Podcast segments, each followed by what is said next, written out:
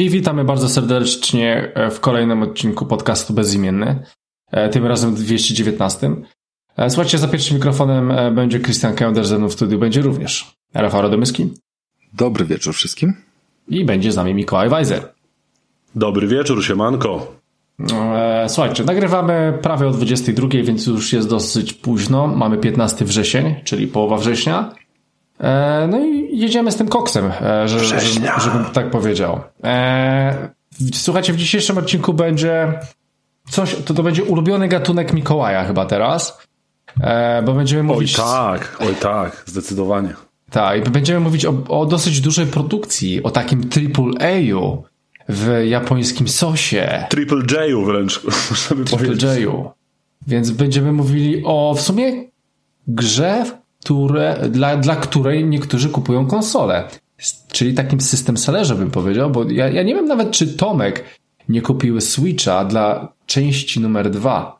Albo przynajmniej jakiejś części. Może tak być. Tego, co I, pamiętam. I poniekąd, poniekąd mnie to nie dziwi. Właściwie. Ale za którym razem kupił Switcha, bo on ma już szóstego. No za każdym tak, razem wiesz. go kupuje dla Zeldy, sprzedaje, potem kupuje dla kolejnej gry, sprzedaje, kupuje dla Kirby'ego, sprzedaje i jakby... Ale no... Tomek tak chyba ma po prostu z każdą konsolą, mam wrażenie, z każdą platformą. Czy jest jak, jakakolwiek konsola, którą No laptopa kupił dla, dla to, żeby sprawdzić sobie EVE Online i zaczął, znaczy nie EVE, tylko tego Star Citizena, Star Citizena no. a wszystko, a zaczęło się tylko od tego, że Krystian stwierdził, że e, na pewno mu poszło. To ten się tak się trzebił i wkurwił, że aż kupił, kupił laptopa, żeby mu pokazać, kurwa, jak... Że mu nie pójdzie. Ale ja, ja jestem z niego i tak dumny, bo on zmienia wszystkie konsole, ale Xboxa nie zmienił, więc ja po prostu go doskonale rozumiem chłopaka. Ale, i... ale zapomniałeś o jednym małym szczególe. Owszem, on PlayStation już nie ma tego, które ma w dzień zakupu, ale no. Xboxa no. też nie, bo przyszedł mu zjebany i musiał wymienić. Więc technicznie rzecz biorąc, tak no, wymienił Xbox. Coś, coś, tam było, tak, coś tam było faktycznie. No dobra, no to nieważne. Słuchajcie, bo w ogóle... I to z najgorszych powodów, nie to, że chciał, tylko Xbox był po prostu zjebany. Poza tym, znając Tomka i jego mm, żyłkę do interesów, w tym momencie jestem pewny, że kolejną sprzedaną konsolą będzie Xbox, bo przecież Playki nie sprzeda, bo drożeją. E, A, no, zobaczymy. Widzisz, Szczególnie, że ma PC i na Game Passie może grać na kompie, nie? Dokładnie, na Game Passie może grać na kompie. A no, jeszcze Steam Decka będzie miał, o, jak będzie miał Steam Decka, to będzie grał w Game Passie. Powiem ci tak, nie odważy się, nie odważy się na coś takiego. E, tak jest moje zdanie. Dobra, słuchajcie, bo w ogóle o czym będzie ten odcinek, bo nie powiedziałem jeszcze o tej O Tomku, to będzie odcinek o Tomku. no chyba tak. Dwie godziny. Ej, chodźcie, on ma urodziny w tym miesiącu, wiecie? Może zrobimy taki cały odcinek poświęcony Ale, Tomkowi i jego najlepszym ja, wyczynkom. E, dobra, więc słuchajcie... Biografię, biograficzny odcinek. O, ale to... Dobra, chyba słychać, że było zielone. Lecimy dalej. E, dobra, więc e, słuchajcie, e, Xenoblade Xenoblade Chronicles Xenoblade, 3. Xenoblade Chronicles. Zino? To się czyta Xenoblade? Tak, Xenoblade, no. Okej, okay. E, więc słuchajcie, trzecia część RPG w sumie e, całkiem fajnego na Nintendo Switch. E, ogrywał ją Mikołaj, dzięki patronowi, e, tak, więc... To, to, jest, to jest chyba najbardziej niespodziewany punkt tego odcinka, że to akurat ja tę grę ogrywałem. Ale to też było takie założenie, żeby właśnie Mikołaj tak, ogrywał tą zdecydowanie. grę. Żeby wszedł w strefę dyskomfortu i i zobaczył, jak to jest. Tak, i to będzie, szykuje się po prostu pierwszy odcinek naszego kącika strefy dyskomfortu. Dobra, więc e, słuchajcie, zanim damy ostatnią godzinę Mikołajowi, będziemy mogli sobie z Rafałem po prostu wyjść e, i on już do, dokończy ten e, podcast, to powiemy sobie jeszcze o innych grach. E, słuchajcie, powiemy sobie o dosyć ciekawych grach i w sumie ja już zacznę o tych grach. Pomijam tego, że już Fall Guy'a e, drugi sezon dzisiaj wjechał, więc już, już napierdalałem, sporo pozmieniali. Ale nie będę o tym mówił, e, bo będę mówił o czymś, co się nazywa Guardian Quest. E, słuchajcie, gra jest, e, gra jest na PC, Guardian Quest. Dostałem kod na tą grę, mm, bo chciałem, bo mi się podobała, no i powiem wam, że jest bardzo fajna. A ja, chcę, a ja chcę kod na God of War Ragnarok, to też mogę tak, że chcę i dostanę? Ja dostałem, ja dostałem. Rafał to, to dostał w ogóle płytę całą, a nie tam kod. E, no, Tylko bo... pytanie, czy z kubeczkiem będzie. No właśnie, jeszcze zobaczymy, czy kubeczek Zobaczymy, idzie, no. zobaczymy, czy się Krystian postara, da w łapę, czy nie. A, Może tam jakieś chody są u, u kolegi jeszcze, wiesz. Bo u kolegi, który z nami nagrywa, może załatwi jakiś egzemplarz z kubeczkiem. No, Ale w ogóle Media Markt chyba tych kubeczków nie, nie, nie wystawiał. Ja widziałem, że to wiem, tylko w Media Expercie wyskoczyło. Czy to euro było? Znaczy, ja czytałem, że to w ogóle do preorderu w Polsce. Znaczy, do wszystkich. E, e, euro się reklamuje z tym, tak? tak. Ja już słyszałem, że euro już się reklamowało e, parę tygodni wcześniej, tylko nie było zdjęcia. I dopiero jak zdjęcie wyszło, to weszło to na... uderzyli z tym. Tak, to weszło na te tani, ta, tanie stranie.pl. Nie, nie szukałem szczerze mówiąc, bo nie preorderuję, poza tym się nie no musiałem No ja, ja się trochę zagłębiłem, jak mnie zacząłeś przyciskać. E, no. Ale powiem e, wam, że ja jestem coraz bardziej kurwa napalony na tę grę. Z każdym e, a, kolejnym a zresztą, materiałem.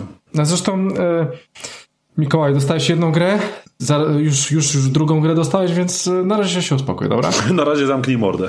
No, ale dobra, przepraszam, God of, God, of War, God of War, jakby ktoś nas nie słuchał od kilkunastu odcinków, nie jest sponsorowany przez patronów, tylko przez Krystiana z jego własnej e, kieszeni zielonej Xboxowej, bo kurwa musiał po prostu się popisać, no więc jakby... Czyli krótko mówiąc, niemalże God of War jest, można powiedzieć, sponsorowany przez Phila Z Game Passa. To jest, to jest, to jest God of War z game, jedyny na świecie God of War z Game Passa. Tak. Dlatego, że no, jakby przegrany zakład to leci z tego funduszu właśnie reklamowego. Ale wiesz, to jest, to jest Game Passa, ale jak wyjdzie z tego Game Passa, to tego dalej masz, nie? Tak, to jest taki, który jak wyjdzie z Game Passa, nawet jak wyjdzie z Xboxa, to dalej mam. Okej, okay. nawet jak wyjdzie na PC, to, to masz. E, dobra, więc słuchajcie, bo, nie, bo ja cały czas mówię o grze, która nazywa się Guardian Quest. Tak. Świetnie tak. mi idzie. E, słuchajcie, gra jest na Steamie, gra, gra jest, nie wiem ile kosztuje, bo mnie to nie obchodzi, ale gra jest świetna. Słuchajcie, e, dostajemy taką karciankę. Sprawdzę to. Sprawdź to, e, sp sprawdź to, e, mój drogi. Słuchajcie, dostajemy taką karciankę, w której mamy swoją jakąś tam, jakąś tam postać i chodzimy sobie po mapie i na tej mapie robimy różne wydarzenia i atakujemy też przeciwników, w sensie, że te wydarzenie to jest atak przeciwników i się bawimy z tymi przeciwnikami. I cała zabawa polega na tym, że mamy taką planszę, ona jest troszeczkę, ona troszeczkę wygląda, że wy jesteście po lewej stronie, e, na, e, w trzech rzędach e, mogą się zmieścić powiedzmy trzy osoby i u przeciwnika jest to samo. W trzech rzędach są trzy osoby i my się możemy ruszać między tymi rzędami, w zależności od tego, w którym rzędzie chcemy atakować. E, no i wybieramy to, co mamy na ręku, tak? Czyli kartę obrony, kartę ataku lub e, karty przesunięcia, czy jakieś spele, czy jakieś przesunięcie przeciwnika, czy wpierdolenie mu pułapku, pułapek na tej jego planszy. Możemy robić bardzo dużo rzeczy, tak? Tam w ogóle mamy bardzo dużo, e, może nie bardzo dużo, ale jest sporo różnych postaci, które levelują, mają swoje skille i tak dalej, i tak dalej. No i zabawa polega na tym, że po prostu mamy niszczyć to, co jest po prawej stronie, czyli szkielety, różne, różni przeciwnicy. E, I powiem wam, że fajna taktyka w tym wchodzi, bo, bo poza tym, że mamy, e, że mamy jakąś tam e, swoją postać, to te postacie są na tyle zróżnicowane, że karty są uzależnione od tego, kim są. Czyli mamy na przykład maga i ten mag ma jakieś ofensywne, fajne czary i tak dalej. Mamy łucznika, no to jest nastawiony bardziej na jakieś strzelanie z łuku, niepodchodzenie, gdzieś tam kitranie się, skakanie kartami gdzieś z tyłu.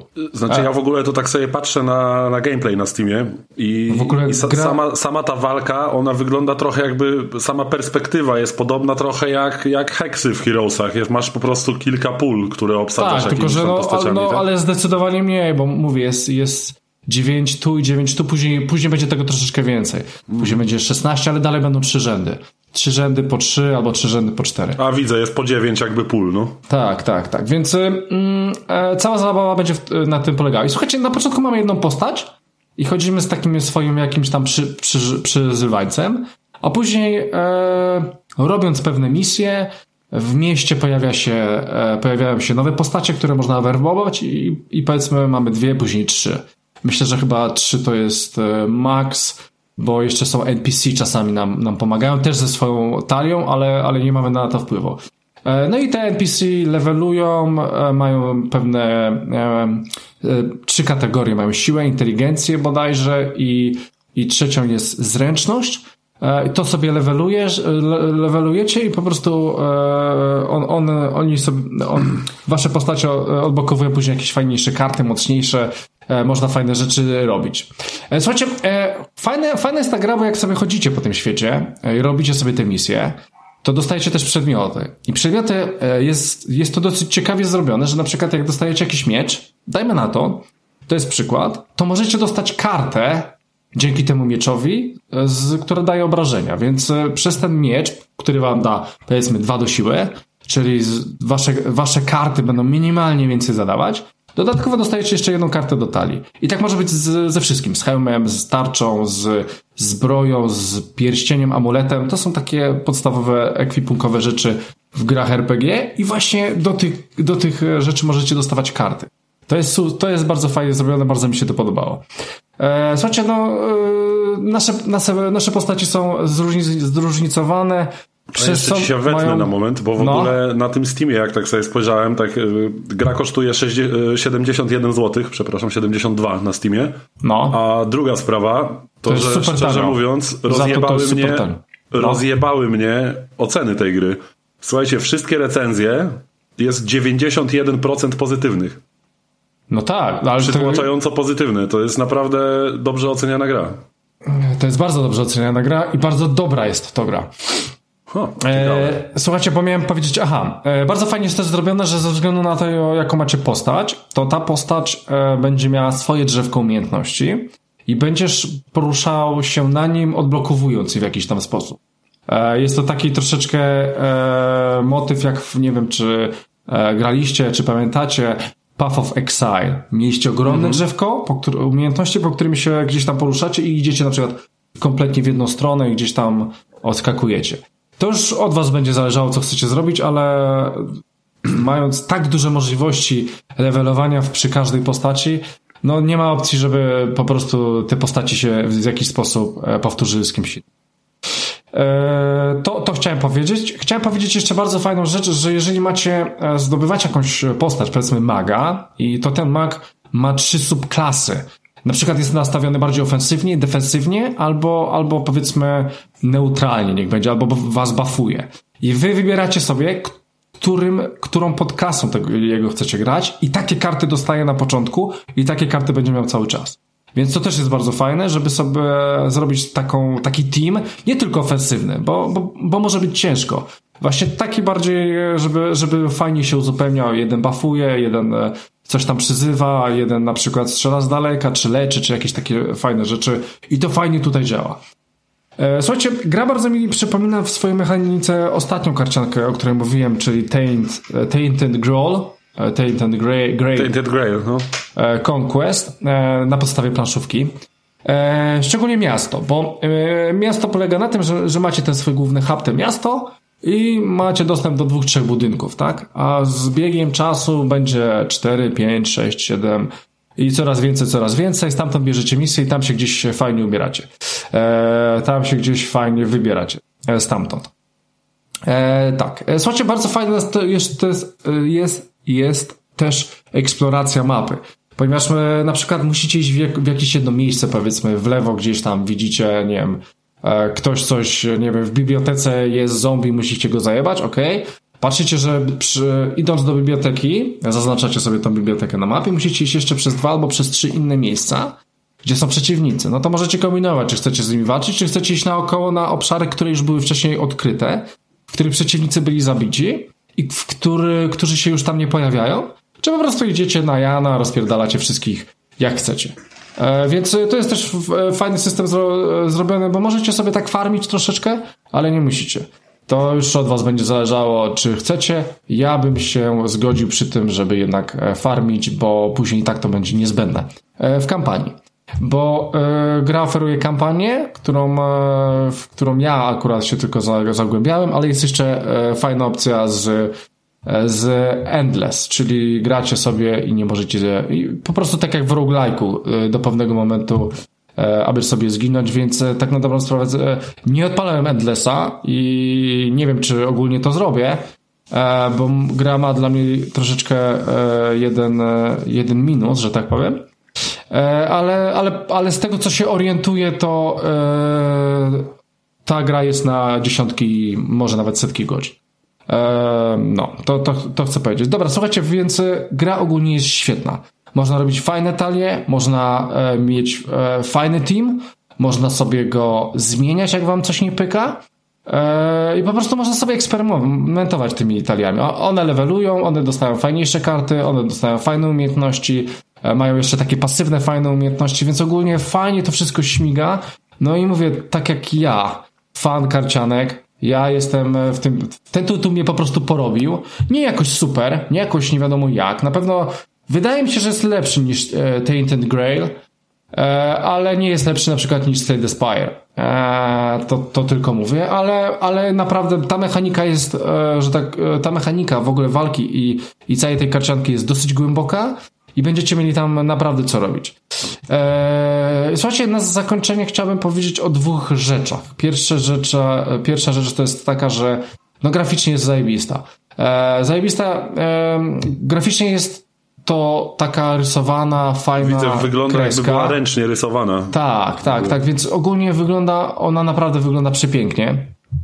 E, więc bardzo mi się podobała w ogóle wszystkie te lokacje, czy ci przeciwnicy, czy, czy ogólnie karty i, i nawet te wasze postaci są super.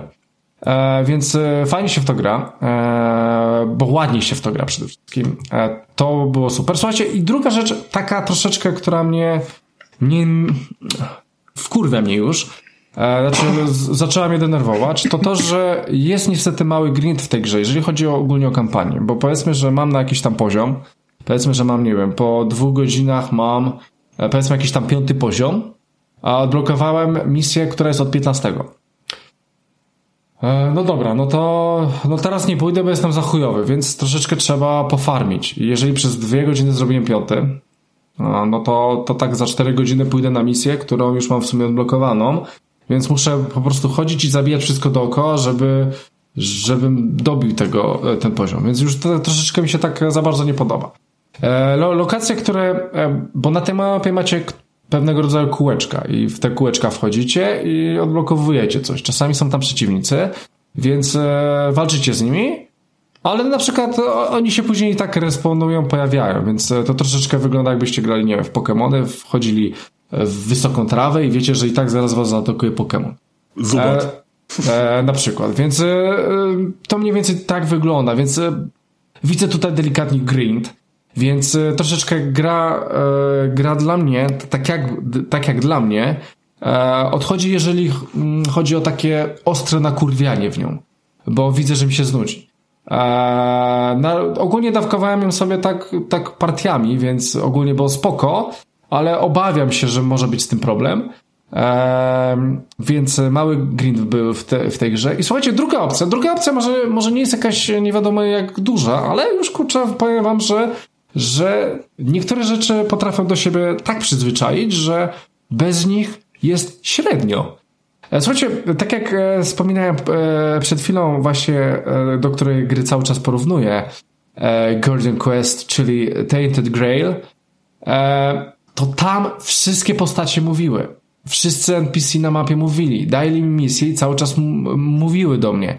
A tutaj wchodzę do miasta, tu nie ma w ogóle dużo dialogów, ale wchodzę do miasta klikam na jakąś postać i tylko jest hmm i e, linijka tekstu, później jest ho i linijka tekstu, później jest e i linijka tekstu, więc e, spoko, ale już... No, czyli typowe, typowe przypadłości niskobudżetowych gier. No tak, oczywiście, Naprawdę. że tak, ale wiesz, ten e, Tainted Grail, on, on, nie był jakiś nie wiadomo jaki, znaczy ładnie wyglądał i tak dalej, to nie był jakiś żaden AAA czy coś, ale wszystko było tłumaczone. W sensie, że grając w dziesiątki godzin grając w tego Tainted Grail, przyzwyczaiłem się do tego. I tutaj idę do miasta i a kurwa i słyszę pomruki, więc spoko. Znaczy to nie jest jakiś nie wiadomo jaki duży minus, ale po prostu coś mnie przyzwyczaiło do czegoś i po prostu Ja, ja przy recenzji Xenoblade'a zrobię.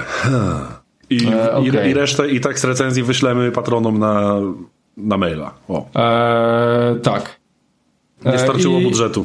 E, mniej więcej. E, I słuchajcie, miałem jeszcze powiedzieć e, o jednej, o jednej rzeczy w e, Guardian Quest, ale chyba właśnie wyleciało mi to z głowy, a szkoda, bo to miałoby być coś fajnego. E, cały czas o tym myślałem, żeby wam coś powiedzieć. E, no nieważne. Słuchajcie, dobra, to nie będę przeciągał, po prostu polecam wam. Polecam wam, bo to jest fajna karcianka, super karcianka, można się naprawdę e, fajnie, fajnie nią bawić, e, robić swoją drużynę, zrobić sobie karty, E, można edytować troszeczkę ten deck, coś tam można po, w nim poprzemieniać, więc e, super. E, ja naprawdę świetnie się bawiłem, będę wracał do tej karcianki i po prostu ją polecam, bo, bo sami widzicie, co się dzieje e, na Steamie, tak? Więc e, warto. Ja, ja tak swoją drogą, warto. swoją drogą tak sobie przejrzałem kilka recenzji użytkowników na tym Steamie, jak, jak mówiłeś o tej grze. No. I co mnie uderzyło, to ilość recenzji, która mówiła o tym, że grały w nią osoby, które na co dzień wręcz nie trawią karcianek, nie lubią ich. Mhm. A tutaj po prostu zostały wciągnięte na amen i, i że gra genialnie łączy po prostu elementy tak. różnych innych gier i tu nic nie wydaje się po prostu do, doczepione na siłę, nie? Tak, że gra bo... jest niesamowicie dobrze przemyślana. Bo powiem ci, że tutaj karcianki jest sporo, ale mhm. jest też to, wiesz, budowanie e, ekipy. Jest też ten motyw no tak. RPGowy dosyć mocny, ponieważ masz te przedmioty i musisz sobie rozkminiać, dobra, czy wziąć sobie ten miecz, czy może sztylet, czy może kuszę, czy może cokolwiek innego, nie? Czy ten hem na inteligencję, czy ten na siłę. Więc tu, tu wiesz, tu, tu masz karcianka to tak powiedzmy jest 70% czy 80% czy 75%, ale cała ta eksploracja. Aha, wiem co miałem wam powiedzieć. E, cała ta eksploracja i, e, i na przykład ten, ten cała opcja RPGowa jest tutaj też bardzo mocna. W Slay the Spire akurat nie. Slay the Spire było akurat tylko karcianka, nic więcej, a tutaj są takie rzeczy. E, słuchajcie, gra jest też e, takim Dungeon and Dragons, e, więc, e, więc ma też, te, ma też takie fajne mechaniki. Cały czas widzimy kostkę K20, która, no. która daje wam inicjatywę, tak? Na początku gry rzucamy i taka będzie kolejność. Więc cały czas widać K20 w tle. Poza tym, jak wchodzimy na przykład, klikamy gdzieś na mapie, jest znak zapytania, coś tam się wydarzy, nie wiecie co, okazuje się, że macie pewną, e, pewnego rodzaju jakieś tam wydarzenie e, i na przykład, e, nie wiem, widzicie coś, nie wiem, leci do was strzała, nie? Dobra, wybieracie, komputer wybiera na kogo będzie, na którą postać która postać bierze w, w tym udział, w tym, w, tej, w, tej, w tym wydarzeniu. Powiedzmy, że mój łucznik. Ale to są jakieś w trakcie eksploracji Tak, w trakcie eksploracji, tak, tak, jakieś wydarzenie. Mam, macie napisane, że o, tutaj podchodzicie, powiedzmy, do jakiegoś obozu, ale zauważacie, że e, strzała leci w waszym kierunku. I macie zaznaczono jedną z waszych postaci, E, patrzymy jej zręczność, powiedzmy, nie wiem. E, Taki opis jak od mistrza gry trochę. Do, do, właśnie dokładnie tak. Właśnie, właśnie o, to, o, o tym chciałem powiedzieć. E, powiedzmy, że, że mamy łucznika. E, opcja jest na zręczność, ale zręczność od karty, więc szukam, szukacie najlepszą kartę, którą macie, która wam daje powiedzmy 6, plus, jest tam to dziwnie pokazane. I widzicie, że e, tam musicie wyrzucić na K E, K20. Mhm. Po, powiedzmy, e, wy macie 10, 14 to jest ten minimum, więc musicie 4 lub więcej, rzucacie, powiedzmy macie 6, udało wam się. Więc są takie rzeczy na kość, że trzeba. Czyli wręcz, prostu... wręcz te naleciałości to nie tyle RPGowe, co wręcz klasycznie RPGowe. Takie... Bardzo klasycznie RPGowe, tak. Takie Tylko, że, że sesji są... RPG elementy, nie? Tak, tak. I, I to są na karty, które są, to zostają wyczerpane żeby e, przywrócić tę kartę, musicie iść spać, bla, bla, bla, jakieś Aha. takie rzeczy. Ale, ale właśnie chciałem tylko powiedzieć o, o tym elemencie, że czasami są fajne wydarzenia, które, które coś zmieniają, coś wprowadzają fajnego. Okej. Okay. Słuchajcie, Guardian Quest polecam. Ja mogę dać mocne 8, 8,5.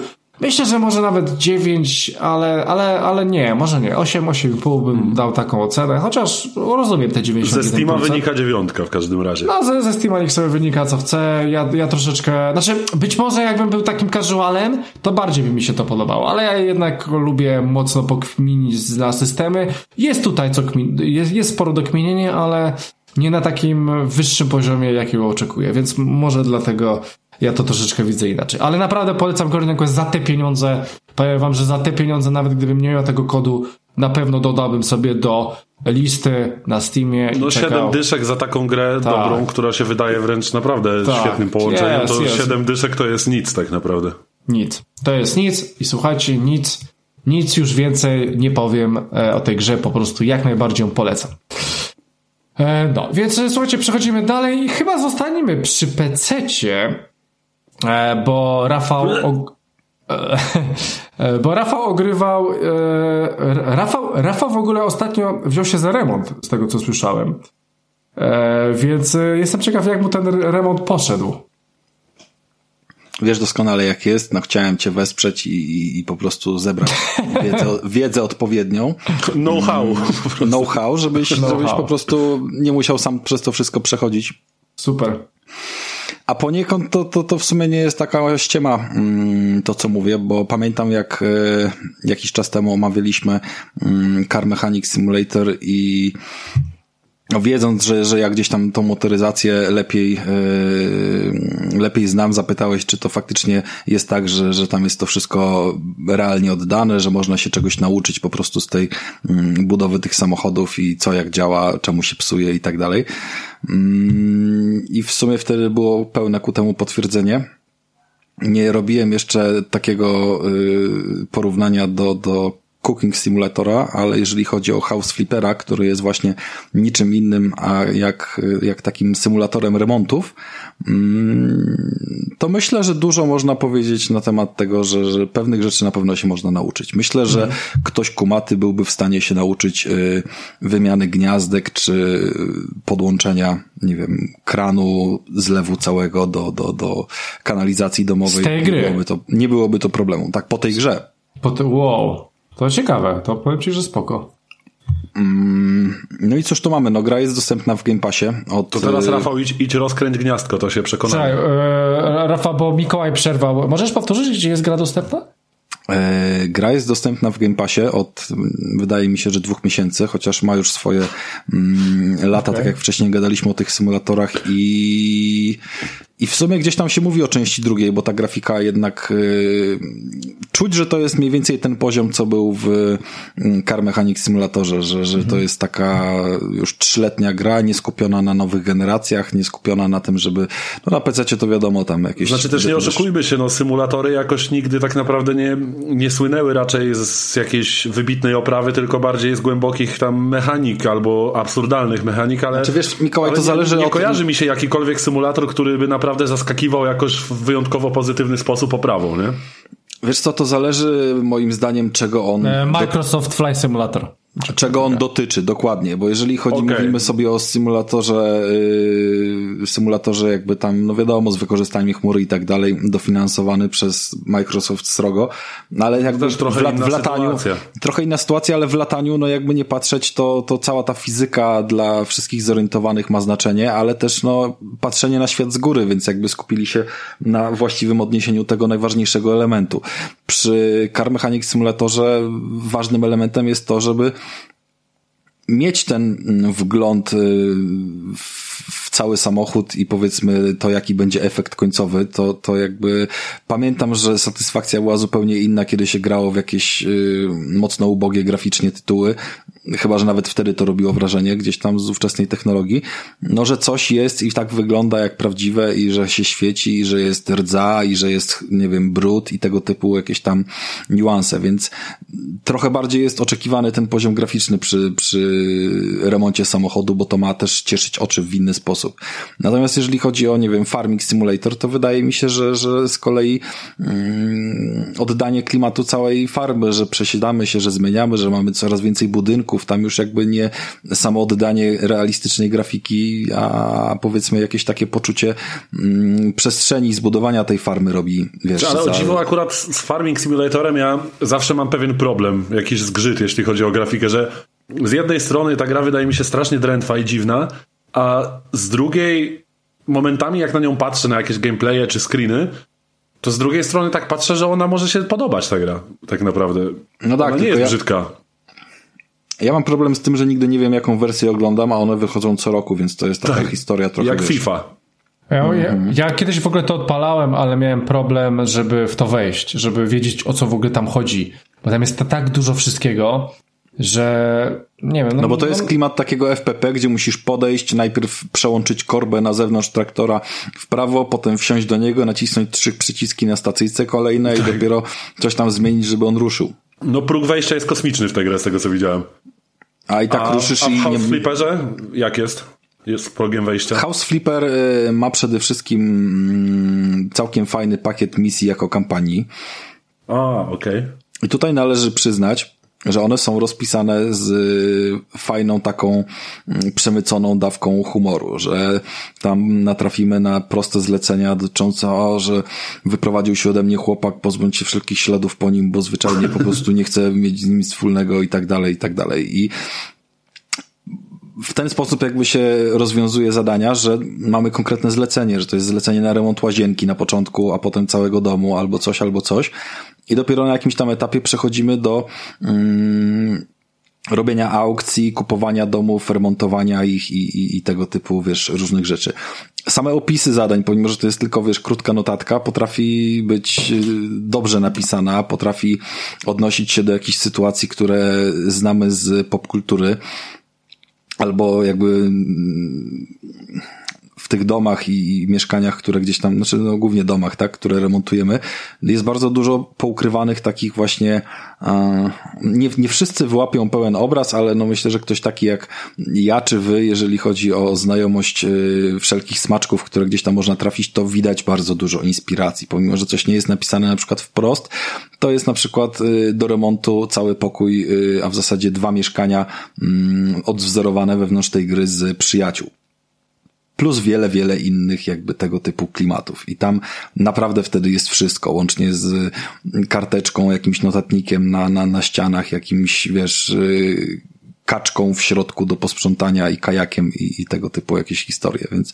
jest dużo takich y, do odkrywania fajnych elementów, że, że nie mamy poczucia, że robimy to samo mm, w kółko i myślę, że prędzej miałem to uczucie w Car Mechanics Simulatorze.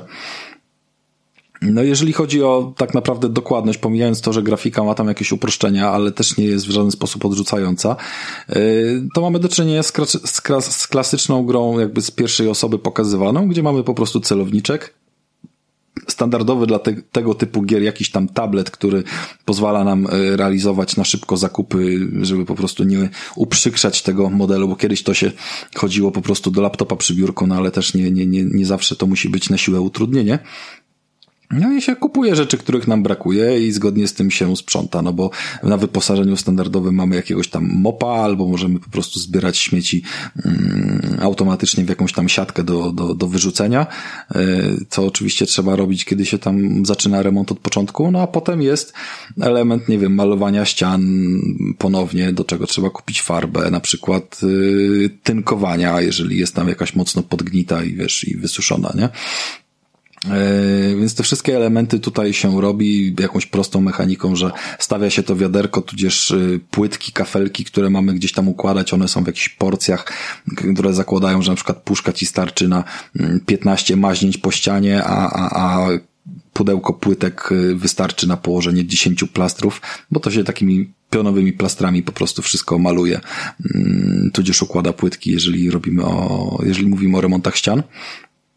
Ma to swoje jakieś tam takie pewne dziwne uproszczenia, bo na przykład jeżeli wyobrazimy sobie taki malutki, wąski fragment yy, ściany nad oknem i to zarówno ten poziomy, jak i ten pionowy, to w przypadku potrzeby układania płytek albo malowania, to oddzielnie musimy kliknąć na ten malutki przysufitowy fragment, który jest nad oknem, oddzielnie na ten, który jest pionowy przy samym oknie i jeszcze pod oknem też musimy trzeci raz pomalować tą samą ścianę i to nam zużywa jakby tą samą porcję y, płytek. No a w momencie, kiedy robimy tak naprawdę jakąś robotę dosyć monotonną, to powoduje to takie trochę uczucie, że kurwa w tej monotonności jeszcze troszeczkę bardziej yy, dojebali, że że trzeba po prostu tak się z tym, wiecie, bazgrać i pieprzyć, nie?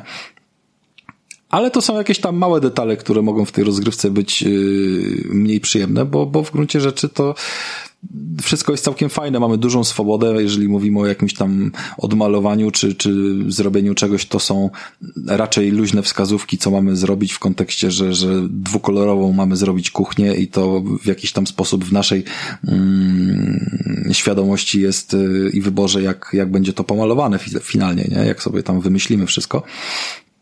Byle tam spełnić jakieś, wiesz, zapisane, mm, zapisane y, w grze luźne zasady. No i mamy też ograniczony wybór rzeczy, które tam o... są później do kupna. E, mhm. Jeśli chodzi o właśnie ilość rzeczy możliwych do personalizacji jakby, czyli przykładowo wybór, nie wiem, farb, płytek, yy, tynków, tego typu rzeczy. Masz... Chodzi mi właśnie o to, czy, czy to jest bardziej w stronę idzie Simsów, że tam można naprawdę kombinować sobie w aranżację wnętrz, czy, czy bardziej Powiem po tak, prostu w realizację wyznaczonych zadań? Mm, jeżeli mówimy o zadaniach z kampanii, to tak jak ostatnie zdanie powiedziałem, tam mamy ograniczony wybór z palety tego, co wybrać, bo ktoś na przykład chce jakieś konkretne kolory i, i, i te kolory wcale nam się nie muszą mhm. podobać, tak? Bo, bo jest jakaś tam ograniczona znaczy, bo paleta. Bo to robimy dla kogoś po prostu jakby, tak? Bo wtedy robimy to dla kogoś, nie? I, i po prostu jest y, wymiana na kolory, my sobie możemy jakoś to, w, jakim, w jakimś stopniu, zależnie od misji, można sobie to aranżować, ale to nie znaczy, że robimy całkiem, chyba, że dochodzimy do tego momentu w misjach, kiedy robimy już całkowite remonty i jakby jest jak najwięcej tych y, gadżetów odblokowane.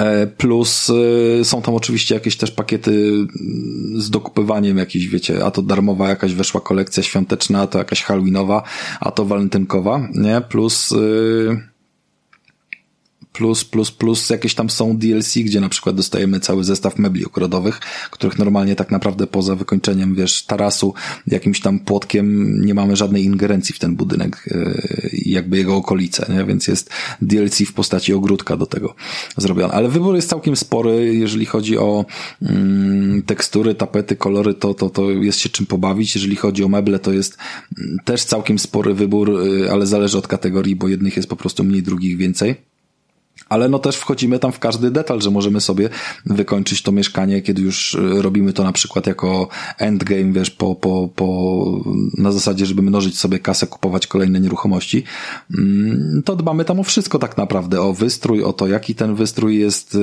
co jest ułożone na tych półeczkach, można, nie wiem, postawić pudełko czekoladek, albo jakąś lampkę, albo pokój dziecięcy innymi gratami wypełnić, pomimo jakby, wiesz, no jakąś pluszankę położyć i tego typu historie, mm. więc to jest taki poziom Simsów bardziej zaawansowany, ale mniej mnogi, bo one, umówmy się, są mm, totalnie tam rozbudowane przez te lata po prostu, jeżeli chodzi o ilość yy, tych możliwych rzeczy do zrobienia.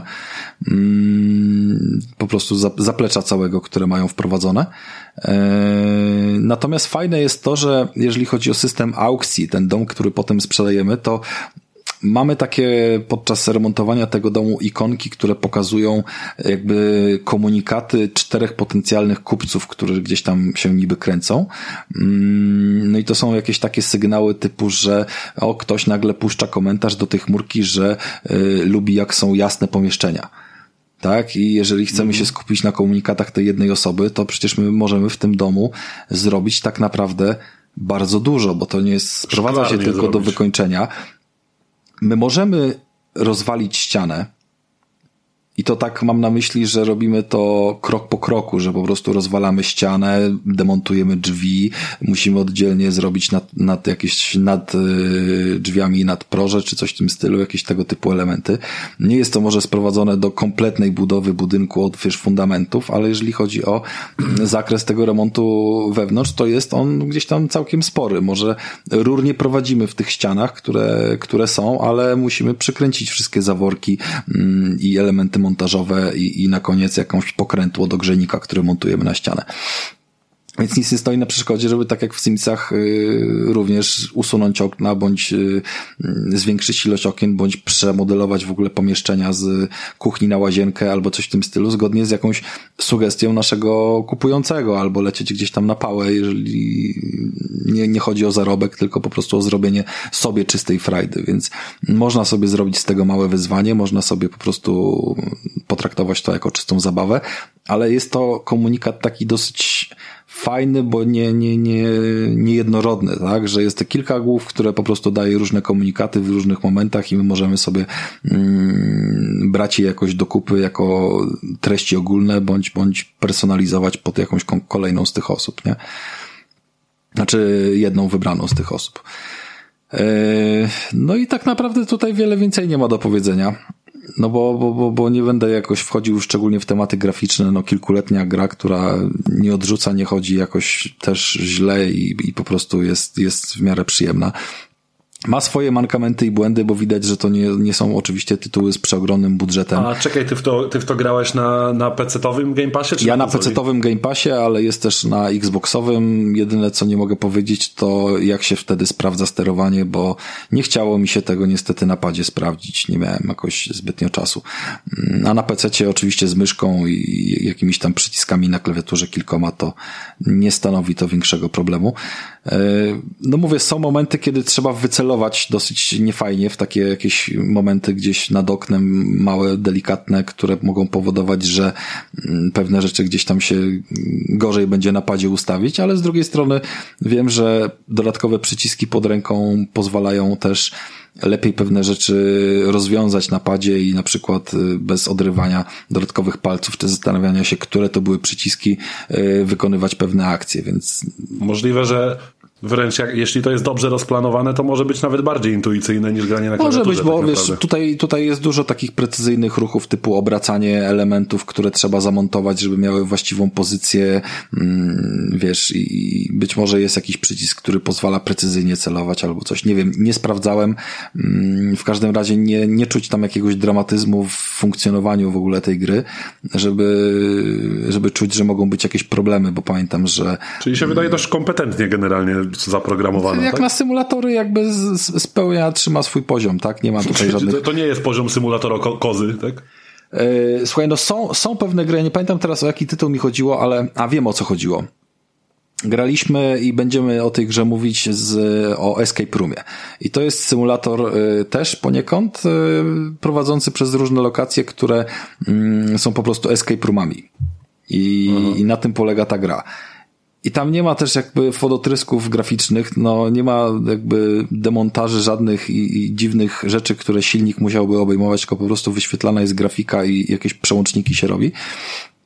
Ale tam nawet kiedy się odpala ten tytuł, nie wiem, w naturalnej jakości, nieważne czy tak, czy tak, to on chodzi z jakimś takim bardzo dziwnym opóźnieniem, taki jak w smole w ogóle jest lak na kontrolerze, tak, i nie da się tego Aha. zmienić, więc tam są wrażenia zupełnie inne. Tutaj jakby wszystko jest sterylnie, ale, ale jeżeli ktoś jest lubi taki klimat, to wiadomo, że nie będzie tej gry wybierał zamiast, nie wiem, Tsushima czy, czy, czy Halo, tak? To jest jakby kwestia, że ktoś potrzebuje tego typu doświadczenia jest ono całkiem spoko bo, bo naprawdę potrafi wciągnąć i to zarówno jakby mnie od bardziej poważnych gier, jak i mm, bardziej e, casualowych graczy, którzy się tutaj mm, przemieszczają po moim okay. mieszkaniu. E, Rafał, mam jeszcze do Ciebie takie pytanie, bo Ty masz tam e, misję do zrobienia w tej grze, tak?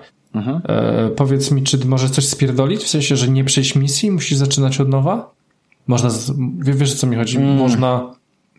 To, to się sprowadza prostu... raczej, to się sprowadza do no. kasy, no. którą zarabiasz jak nie zrobisz, znaczy wszystko możesz odwrócić, tak? Więc teoretycznie robisz do usranej śmierci. Jeżeli masz 15 dolarów w kieszeni i zaczynasz nagle nie wiem, robić totalny remont i ci się ta kasa skończy, no to musisz wczytać i zrobić inaczej, nie? Mhm.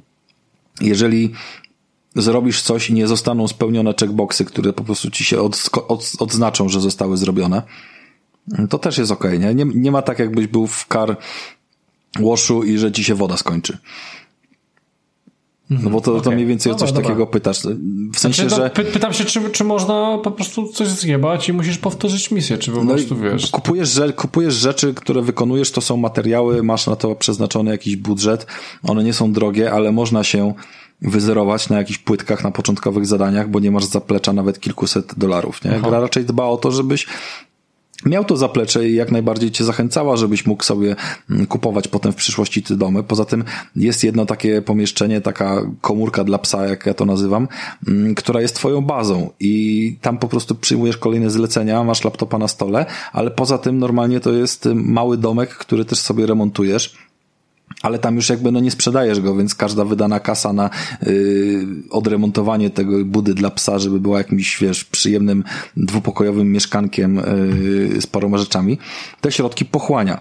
No jak wyzerujesz się ze wszystkiego, weźmiesz kolejne zlecenie, no to możesz się nie wyrobić z czymś, nie? I, i trzeba będzie kombinować, nie wiem, wrócić do domu, coś sprzedać, wiesz, jakieś takie historię, ale nie, traktował, nie traktowałbym tego, że to jest poziom Demon Soulsa, wiesz co? Jezu, właśnie chciałem to powiedzieć. Dokładnie chciałem do Soulsów porównać, że nie można Spoko. przegrać walki z bossem remontu. No nie, to, to, to, ma być, to ma być raczej przyjemne i, i satysfakcjonujące. No jakby jak coś kupisz, to zawsze możesz sprzedać albo wykorzystać gdzieś indziej, bo są to materiały zwykle od razu, wiesz, a tak, wykorzystywane, a, bo okay. to się podpowiada. A y, jest tam jakaś opcja y, kooperacji? Mm. Możesz mieć handicapa w postaci najebanego majstra. Nie, nie, bo w myjce można robić razem. Jestem ciekaw, czy tu można robić razem. Powiem ci, że nie próbowałem. Wydaje Aha, mi się, no. że jest jakieś multi, ale to by trzeba było zgooglować, wiesz, na mm, stronie tej z aplikacją Game Passa, tam są oznaczone zawsze, czy no tak. Czy multi, czy nie? Yy, dobra, to jeszcze okej, okay, to nie ma, nie wiesz, spoko. Jeszcze chciałem się ciebie coś spytać, czy jakbyś mi polecił jakiś symulator, to myjkę, czy to? Hmm. O, pomimo, że to jest podobny gatunek, to są trochę inne doświadczenia. Dlatego nie, pytam eksperta. Dlatego pytam, jaki symulator właśnie miałby cię interesować, bo... Symulator, taki na odmurzenie, żeby miał No to wygląd. właśnie to powiedziałeś dwie Aha, różne okay, rzeczy, bo dobra, dobra, tutaj okay, myjka jest na odmurzenie. No, Przy myjce wiem, nawet wiem, jeżeli tak. zaczniesz już rozważać sens istnienia swojego życia, zakładać w głowie swoją religię, to dalej twoja podświadomość będzie tą myjką myła kolejne elementy no tak, i w ogóle tak. potrafisz się przy tym wyłączyć. To jest tak wciągające, hipnotyzujące. Więc Myka dla mnie ma troszeczkę oddzielną kategorię, jakby taki gier ASMR, House nie? Flipper, House Flipper e, nie ma multiplayera póki co.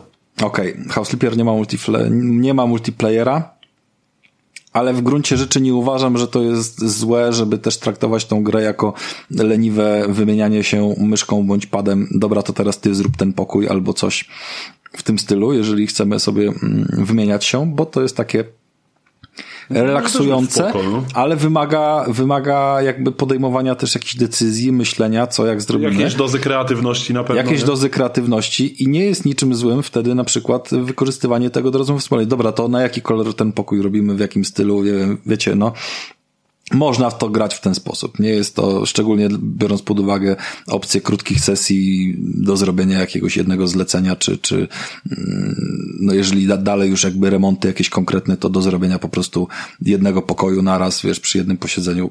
Totalnie się jednak nadaje do tego ta gra, mimo że nie ma mm, typowego koopa. No ale jakby ale ona pozwala się troszeczkę pobawić w takie proste rzeczy. I ja tobie bym chciał Housekeepera polecić, bo takie proste rzeczy, które każdy powinien rozumieć i zobaczyć jednocześnie, bo tam pewne elementy się składają z kilku rzeczy. No przykładowo jak montujemy zlewozmywak, to musimy go najpierw na dwóch wielkich śrubach przykręcić do ściany. Potem musimy podkręcić wężyki, które prowadzą wodę od ściany do, do, do, do, do tych, może kurków, tak, w środku. Mhm. Najpierw musimy wkręcić jeszcze y, i od, od, odbezpieczyć jakby zawory, wszystko w odpowiedniej kolejności, żeby ta woda się nie wylała, wsadzić jedno, drugie, trzecie kolanko do odpływu i dopiero wtedy wszystko będzie podkręcone. I to jest pokazane w taki sposób, że jeżeli nie kupiłbyś jakiegoś specyficznego modelu, tylko faktycznie prostą umywalkę z, z Castoramy czy Ikei, to potem by się w domu podłączył. Może trochę Spoko. upraszczam, bo są pewne jakby... Ja w Anglii będąc, w Anglii będąc robiłem przy remontach, więc aż mi kusi, żeby sprawdzić tę grę w sumie nie ma tam elementów związanych z tym, żeby na przykład na, wiesz, na miedzianą śrubę dać uszczelnienie, tak? Czy coś w tym stylu, bo po prostu mhm. nakrętka to nakrętka, tak? A to w, w, prawdziwym życiu to tylko jak jest gumowa uszczelka, to można tak dokręcić. No wiadomo, że a, inaczej trzeba, tak. a inaczej trzeba uszczelniać, ale poza tym jest okej. Okay. Gniazdko wyjmujesz i, i wkładasz nowe, tak? Bo jest jakieś tam brudne, zepsute, przepalone.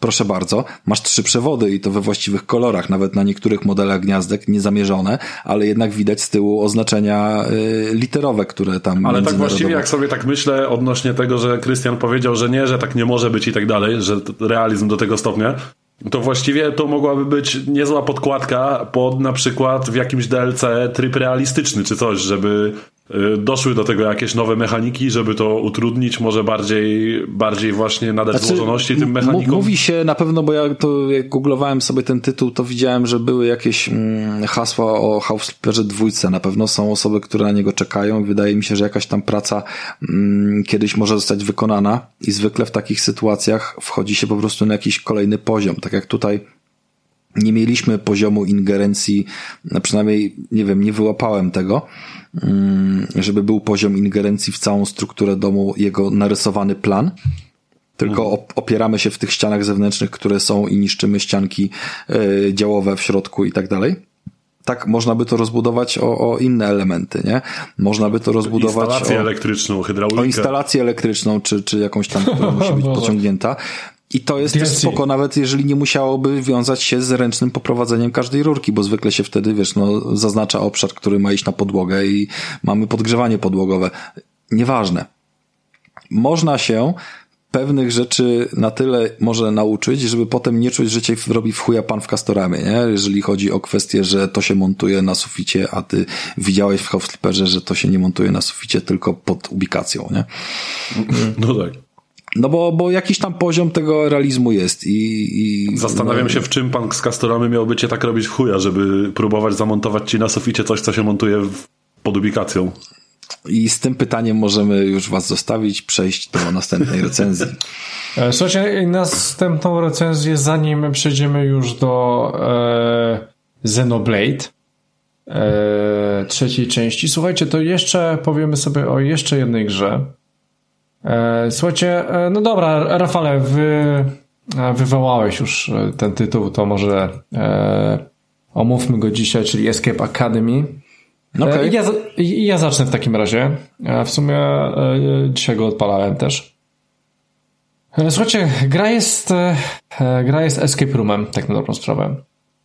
Więc polega na tym, że mamy pewne pomieszczenia, chociaż różnie z tymi pomieszczeniami, bo, bo czasami jest większy, większy, większy plac zabaw, mniejszy różnie.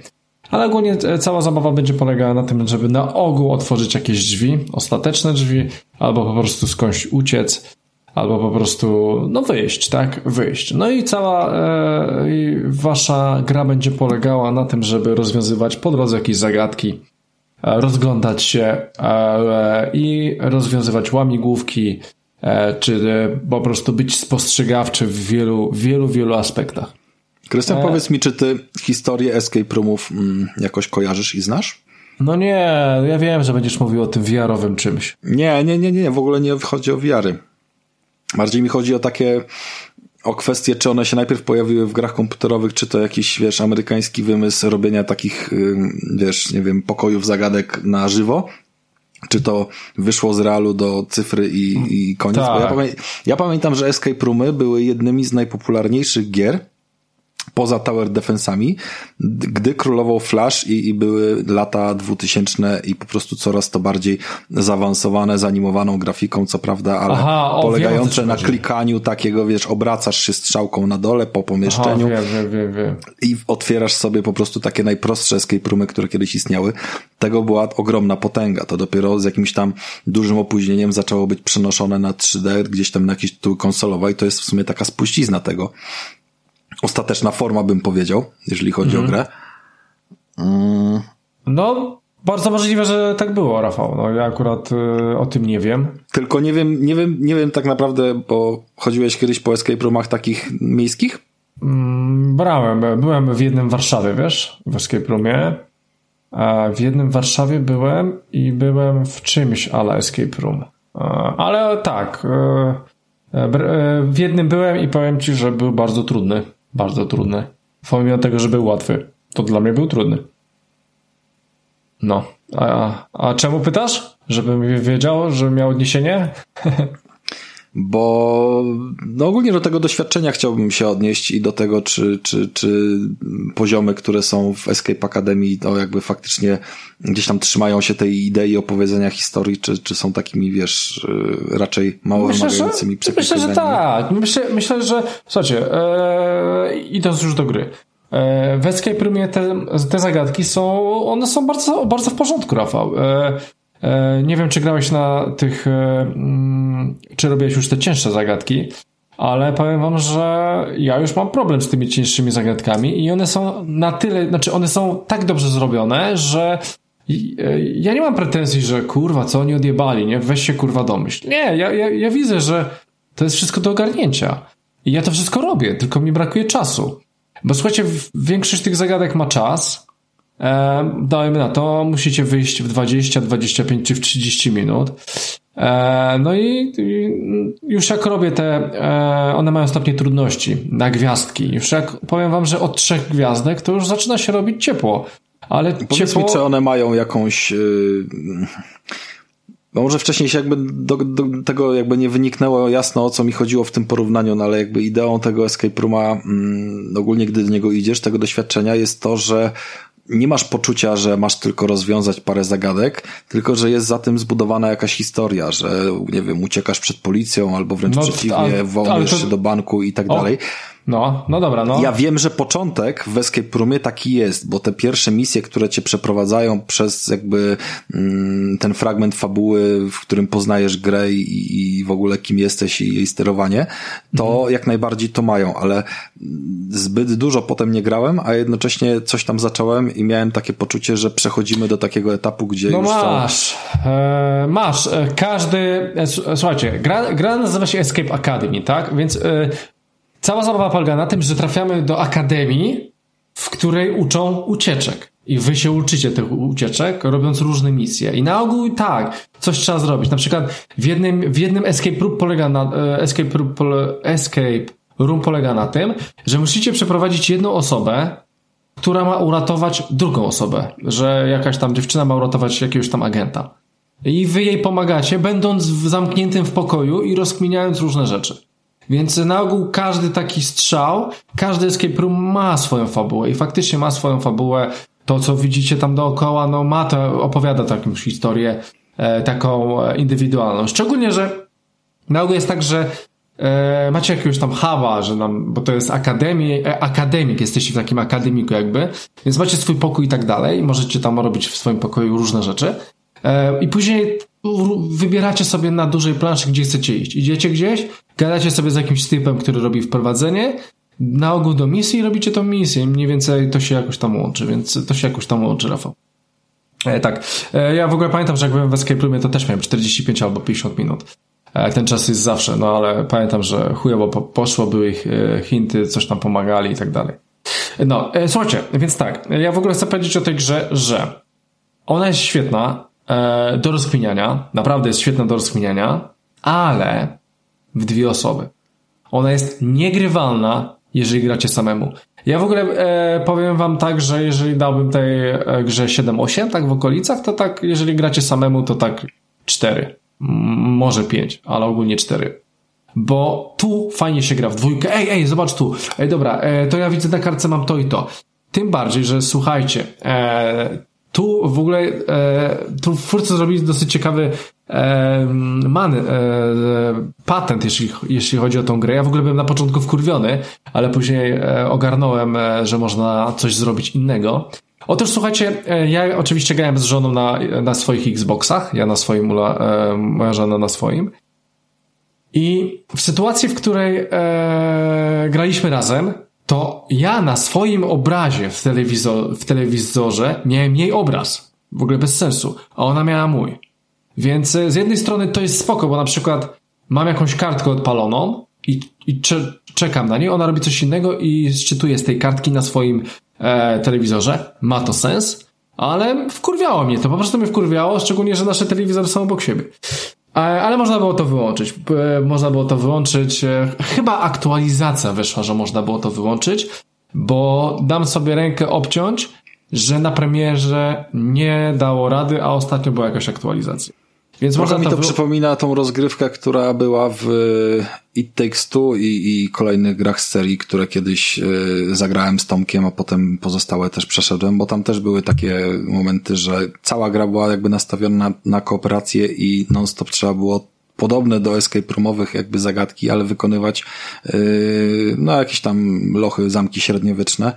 Ale bardziej zręcznościowe już rzeczy, Rafał, nie? Dużo, bardziej zręcznościowe. Znaczy też, nie, też, też były, nie, też, też były typowo jakby, żeby wybrać znaczki, tylko chodziło znaczy, o to, że tak, wszystkie... Tak, chodzi tak. tu o to, że nawet, nawet grając przez sieć miało się podzielony ekran generalnie. Nie miało się podzielonego ekranu, bo tam chodziło o komunikację. Tam nie było podzielonego ekranu, e, bo... Znaczy, grałeś tak przez sieć? Grałeś tak przez sieć?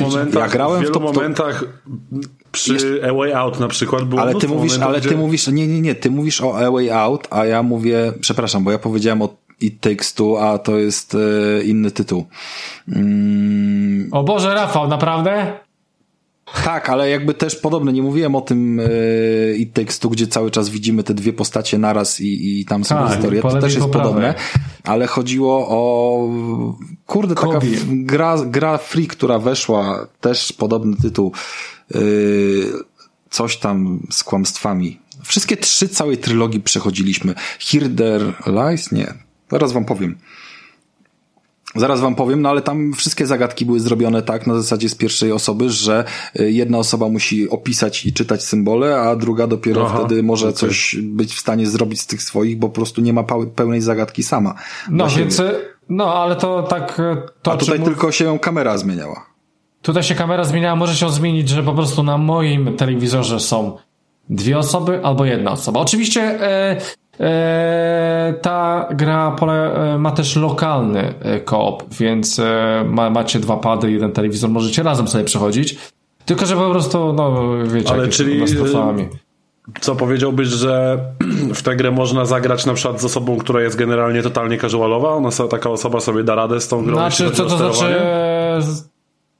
Jeżeli chodzi o sterowanie, no to tak, bo to jest banalne sterowanie. To jest, e, jeżeli chodzi o, o sterowanie, to tak. Tam tylko e. jest przełącznik jeden, albo kucanie. To są Kucanie, no i żeby, no, trzeba zaznaczyć padem, tym kursorem na coś, tak? No na przykład, no mhm. widzisz okay. w oddali na komputer, klikasz i musisz wybrać, nie wiem, kod jakiś, który widzisz w innym pokoju na ścianie, więc po prostu musisz wpisać i nacisnąć Enter i otwierasz drzwi, więc to tu, tu, to, tu nie ma żadnej zręczności. Mi chodziło o We Were Here, już sprawdziłem. To mówię. Okay. Tytuł, tytuł e, mi się Więc e, tak, gra jest, jeżeli chodzi o, o opcję zręcznościową, no to bardzo casualowa, tylko, tylko jest trudna. Jest po prostu trudna w późniejszym aspektach i trzeba rozkminić. I to rozkminianie jest fajne, to, że odkrywacie coś. To jest w ogóle bardzo fajnie zrobione, bo e, na przykład, dajmy na to, macie jedną planszę, e, macie czas na nią, powiedzmy pół godziny, i, i trzeba robić małe, małe kroki, tak? Bo, bo cały czas będziecie coś odkrywać w tym, po, powiedzmy, jednym pokoju, dla przykładu. E, I powiedzmy, trzeba 20 albo 25 razy coś zrobić, tak? Żeby otworzyć, powiedzmy, ostateczne drzwi. I fajnie jest to zrobione, bo jeżeli coś małego zrobicie, to jest pewien e, sygnał muzyczny, że coś, coś odkryliście. I to jest bardzo fajne. E, że cały czas gra was tak karmi tymi okruszkami, że idziecie w dobrym kierunku, że jest dobrze, że tak, że super, że, że, że idzie dalej. Bo nie ma czegoś takiego, że coś zrobiliście dobrze, ale nie wiecie, czy, czy zrobiliście dobrze, czy nie, no to cofnijcie się to, gdzieś. To dość ważne w sumie jest taka tak. komunikacja graczowi, że idzie w dobrym kierunku. Nie? Tak, e, e, wiesz, bo może coś rozkminić, ale nie wiesz, czy dobrze, czy niedobrze, więc cofasz się gdzieś, a to jest, wiecie, czas cały czas idzie, nie? Chcecie zrobić to w czasie jednak. Więc, a ty, Krystian, korzystałeś z podpowiedzi, jak byłeś w prawdziwym escape roomie? Eee, chyba tak, chyba tak, ale jeżeli chodzi o prawdziwe podpowiedzi, to po prostu czas nam się kończył, tak? My no zapłaciliśmy tak, ale tutaj, za, za, tutaj też za, jest poczekaj. czas, tylko nie, nie, nie ale okej, okay, no ale my zapłaciliśmy za godzinę. Widać, że chujowo nam idzie, dajmy na to. Jesteśmy pod kamerami, tak? Więc e, ta, e, że tak powiem, ta sugestia chyba sama wynikła. Było coś na zasadzie, że e, czy chcecie jakąś podpowiedź, czy coś, albo była sugestia, że po jakimś czasie sama będzie ta podpowiedź. Ale wiesz, to jest troszeczkę inaczej, bo jeżeli jesteś w grupie, to czujesz tą presję, że wiesz, no kurwa, no przez 20 minut, no nic kurwa, stoisz i nic. No, ja rozumiem, ale, ale, ale nie, wiesz, no tutaj... Tu, tutaj, tutaj tak nie było, bo, bo, pamiętam, że robiliśmy tam małymi, ma, małymi stopniami coś tam, tylko tak e, coś tam pod koniec. Pamiętam, że jakieś problemy były, no. No bo wiesz, bo jeżeli masz 20-25 minut na misję no. i na końcu cię coś blokuje i potem masz ją powtórzyć, to nawet jeżeli wiedząc, co masz zrobić, to wciąż musisz te wszystkie rzeczy, to z 5 minut ci zajmie, zanim odtworzysz stan, który był wcześniej. Mhm. I żeby tego nie powtarzać, a poczuć trochę bardziej tej presji czasu, to też można skorzystać z, z tego systemu podpowiedzi, który tam jest. No jest, można. I, I powiem ci, że parę razy mi się zdarzyło. No właśnie mi też. I, i chciałem powiedzieć, że on jest taki całkiem spoko, bo on ci nie pokazuje palcem, nie, nie. Yy, co, co masz zrobić teraz, tylko pokazuje ci na przykład jeden element, któremu powinieneś się przyjrzeć, nie? E, słuchajcie, ja, ja miałem rozkminić e, serial Number w, e, w, z obrazka. Z obrazka, który wskazuje litery, miałem wymyślić sobie liczby. No i ni chuja, nie? Ni chuja, więc e, czytam hinta. Tak, tak jakby trochę łamanie szyfru. No tak, no to takie, ale to, to, też na rozkminę, bo tu są to, dużo też logicznych rzeczy. Co trochę na zasadzie, że masz różne, wiesz, symbole i musisz coś e, rozkminić. Troszeczkę jakaś mens albo inne chuje. Ehm, I słuchajcie, i, i okej, okay, no to klikam tego hinta i pierwszy hint był taki. E, z tych dwóch, z, z tych dwóch liter stworzy, znaczy z tych dwóch, nie wiem, na jakiś tam obrazków stworzy ci się e, e, stworzyć ci się ten serial number. A mówię, no kurwa, no chyba o tym wiem, tak? Dobra, wciskam jeszcze raz hinta. Dobra, z tego jednego coś tam się, no o kurwa, no to też wiem, nie? I dopiero za trzecim razem dało mi już taką sensowniejszą odpowiedź, że dopiero rozkminiłem. Więc to, co Rafa powiedział, że te podpowiedzi są, ale one są tak, tak dadzą ci po prostu małe naprowadzenie, takie maluteńkie. A to od ciebie będzie zależało, czy chcesz bardziej, czy nie. E, no, słuchajcie, więc gra jest super w dwie osoby. E, samemu jest chujowa, to od razu mówię. Więc jeżeli macie z kim grać, grajcie. Jeżeli nie macie, to w ogóle e, zaraz przejdziemy do Xenoblade'a. A ja jeszcze powiem o, o tym, o czym Rafa mówił, czyli gra chodzi jak gówno. Właśnie o to chciałem cię wywołać. No, e, no słuchajcie, gram na starym Xboxie i gra chodzi jak gówno. Najśmieszniejsze jest to, że ja mam dwa telewizory obok siebie. To znaczy jeden stoi na regale, a drugi stoi na ziemi, więc ja po prostu widzę, że na przykład mojej żonie gra już się wczytała, a ja czekam, nie? Ona już tam robi jakąś tam skip, skip, skip, a ja czekam, mi się jeszcze nie wczytało. No ale to te, takie rzeczy można, można olać. Ale mam taki jeden do jednego, jak ta gra działa, tak? No i na Xboxie, no powiem wam, że często nie ma 30 klatek. Naprawdę często nie ma 30 klatek. Oczywiście ona tak podchodzi po 26, po 27, po 25. Widać, że nie jest to płynnie tak, jak być powinno.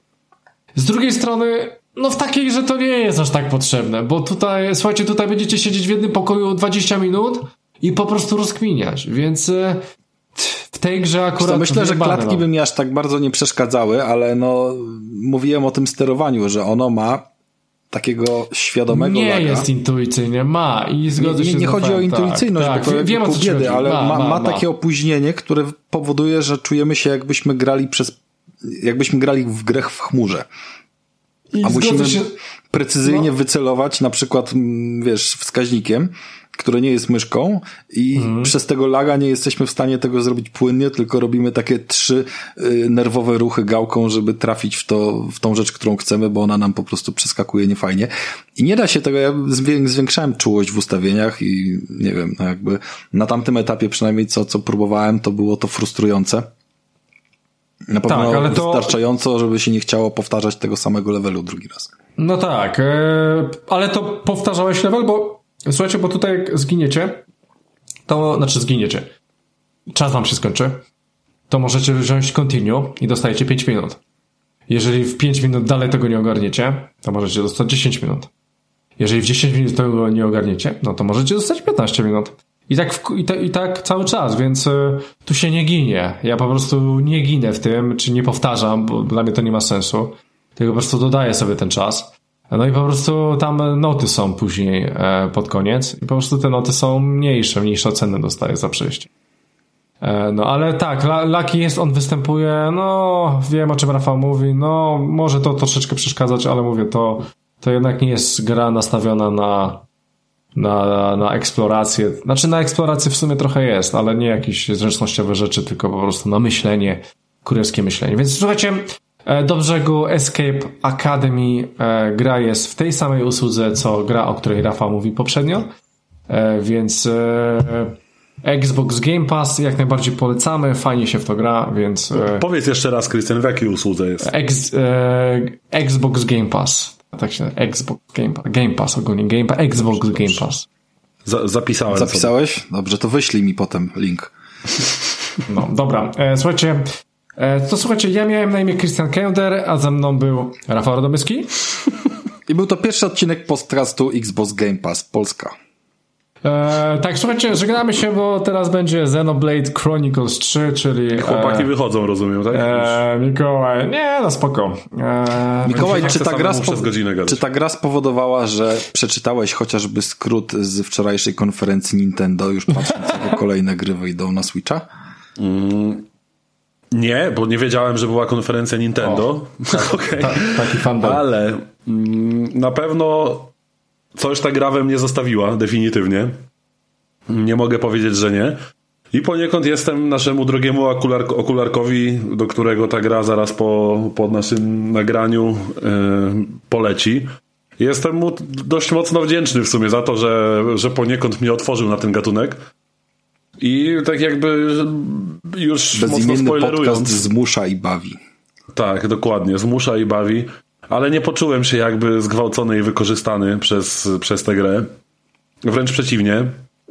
Mm, czuję się mocno usatysfakcjonowany, bo, bo to jest kawał zajebistej gry po prostu. No, co mogę powiedzieć? Ale, ale jest, ale, ale, ale czekaj, jest czy tak mówisz, bo dostajesz za darmo? A da, darmowemu koniowi coś tam. Nie, je, je, jego Game Pass tak nie rusza. Słuchajcie, spoilerując całą grę, znaczy całą recenzję, bo powiem tak. Ja tę grę teraz wysyłam okularkowi, po czym kupuję sobie swój egzemplarz, żeby ją dokończyć, bo nie udało mi się jej dokończyć, bo to jest ogromna gra. I jakby to jest chyba najlepsze, co mogę o niej powiedzieć, szczególnie z perspektywy takiego gracza jak ja, który nigdy z JRPG-ami nie miał do czynienia praktycznie w ogóle, oprócz Pokémonów na Game Boyu w dzieciństwie. Mm, to szczególnie z perspektywy kogoś takiego jak ja, kiedy mówię, że po wysłaniu idę sobie kupić swój egzemplarz, żeby tę grę jak należy i bez pośpiechu sobie skończyć, no to jest chyba zajebista rekomendacja, wydaje mi się. Ale od początku. Jakby dla kogoś, kto nie był może z nami tutaj z podcastem, jeśli są jacyś nowi słuchacze, to warto, żeby wiedzieli, że ja jestem generalnie ostatnią osobą, która w normalnym podcaście by recenzowała taką grę, ale w bezimiennym podcaście nic nie działa tak jak reszta świata, powiedzmy. I, I dlatego stwierdziliśmy, że powinienem wyjść ze swojej strefy komfortu i wejść po same jaja w strefę dyskomfortu. I dlatego jako pierwsza gra, która ma pomóc mi z tej strefy komfortu wyjść, wybraliśmy po prostu JRPG na 250 godzin, bo, bo czemu nie? No i słuchajcie, i to jest naprawdę epicka przygoda. Gra się rozgrywa w fikcyjnym świecie Ionios Mógłbyś najpierw powiedzieć, jak e, wygląda, bo mm, no właśnie. mało kto teraz będzie chciał, wiesz, googlować. Ja specjalnie ominąłem wszystko. Nie wiem kompletnie, jak sobie wyobrażać to, o czym będziesz zaraz mówił, więc mm, zacznijmy jak od tego, wygląda? bo specjalnie ale, ale masz na myśli kierunek artystyczny, czy tak, całą grafikę, wszystko, całą grafikę jakby jak chodzi, i, jak... wiesz, jakby co mam sobie wyobrażać, nie? Bo ja specjalnie twarzy... przyszedłem kompletnie Słuchajcie, nieprzygotowany. Wyobraź sobie świat, w którym to jest później wyjaśnione poniekąd, e, w którym duże elementy lądu w niewyjaśnionych okolicznościach znikają. W takich jakby, jakby takie czarne dziury się zapadły w tym lądzie i takie wielkie kule materii zostały po prostu wyrwane z lądu i cały ten świat składa się poniekąd z takich latających w powietrzu, unoszących się wysp, kawałków terenu, trochę, mm, trochę jak z trailera Nowej Zeldy, nie? jeśli wiesz, wiesz co mam na myśli. Mhm. I do tego na horyzoncie widzimy przeogromne, gargantuiczne wręcz kształty, typu na przykład na, nasz azymut naszej podróży, naszej drużyny, która się w dziwnych okolicznościach zawiązuje, mm, obieramy, że tak powiem, azymut na gigantyczny, po prostu wielkości kilkunastu kilometrów prawdopodobnie, wbity w ląd miecz który nie wiadomo skąd się tam tak naprawdę do końca wziął. Więc krajobrazy w tej grze są mocno baśniowe, oniryczne. Tam jest dużo przepięknych, sielankowych krajobrazów, ale z drugiej strony Widzimy właśnie gdzieś majaczący nam daleko setki kilometrów na horyzoncie dalej właśnie gigantyczny kilkunastokilometrowy miecz wbity jakby w łeb ogromnego potwora z otwartą paszczą. Nie? Ale to leci cały Więc... czas w 3D, tak w klimacie właśnie... Tak, tak, to, to jest normalnie gra w pełnym 3D jak dowolny inny sandbox, tak? Czyli z, zeldowo, z trzeciej osoby. klimat powiedzmy. Tak, tylko eksploracja jest zupełnie inna niż w Zeldzie, bo bo ta gra jakby opiera się przede wszystkim na takiej eksploracji bardziej horyzontalnej niż wertykalnej, nie? moje ulubione słowo. Tam bardziej przemierzamy skakać nie można w sensie. Znaczy można, można skakać, ale poziomy są skonstruowane w taki sposób, że my idziemy przed siebie, przemierzając duże, otwarte przestrzenie, które w pewnym momencie się zwężają w takie lejki jakby, nie? że mapa kieruje nas możemy sobie szlaczkiem zwiedzać dużą, otwartą przestrzeń, ale ta przestrzeń w końcu będzie nas prowadzić do celu naszej misji, jak taki zwężający się lejek, jakby.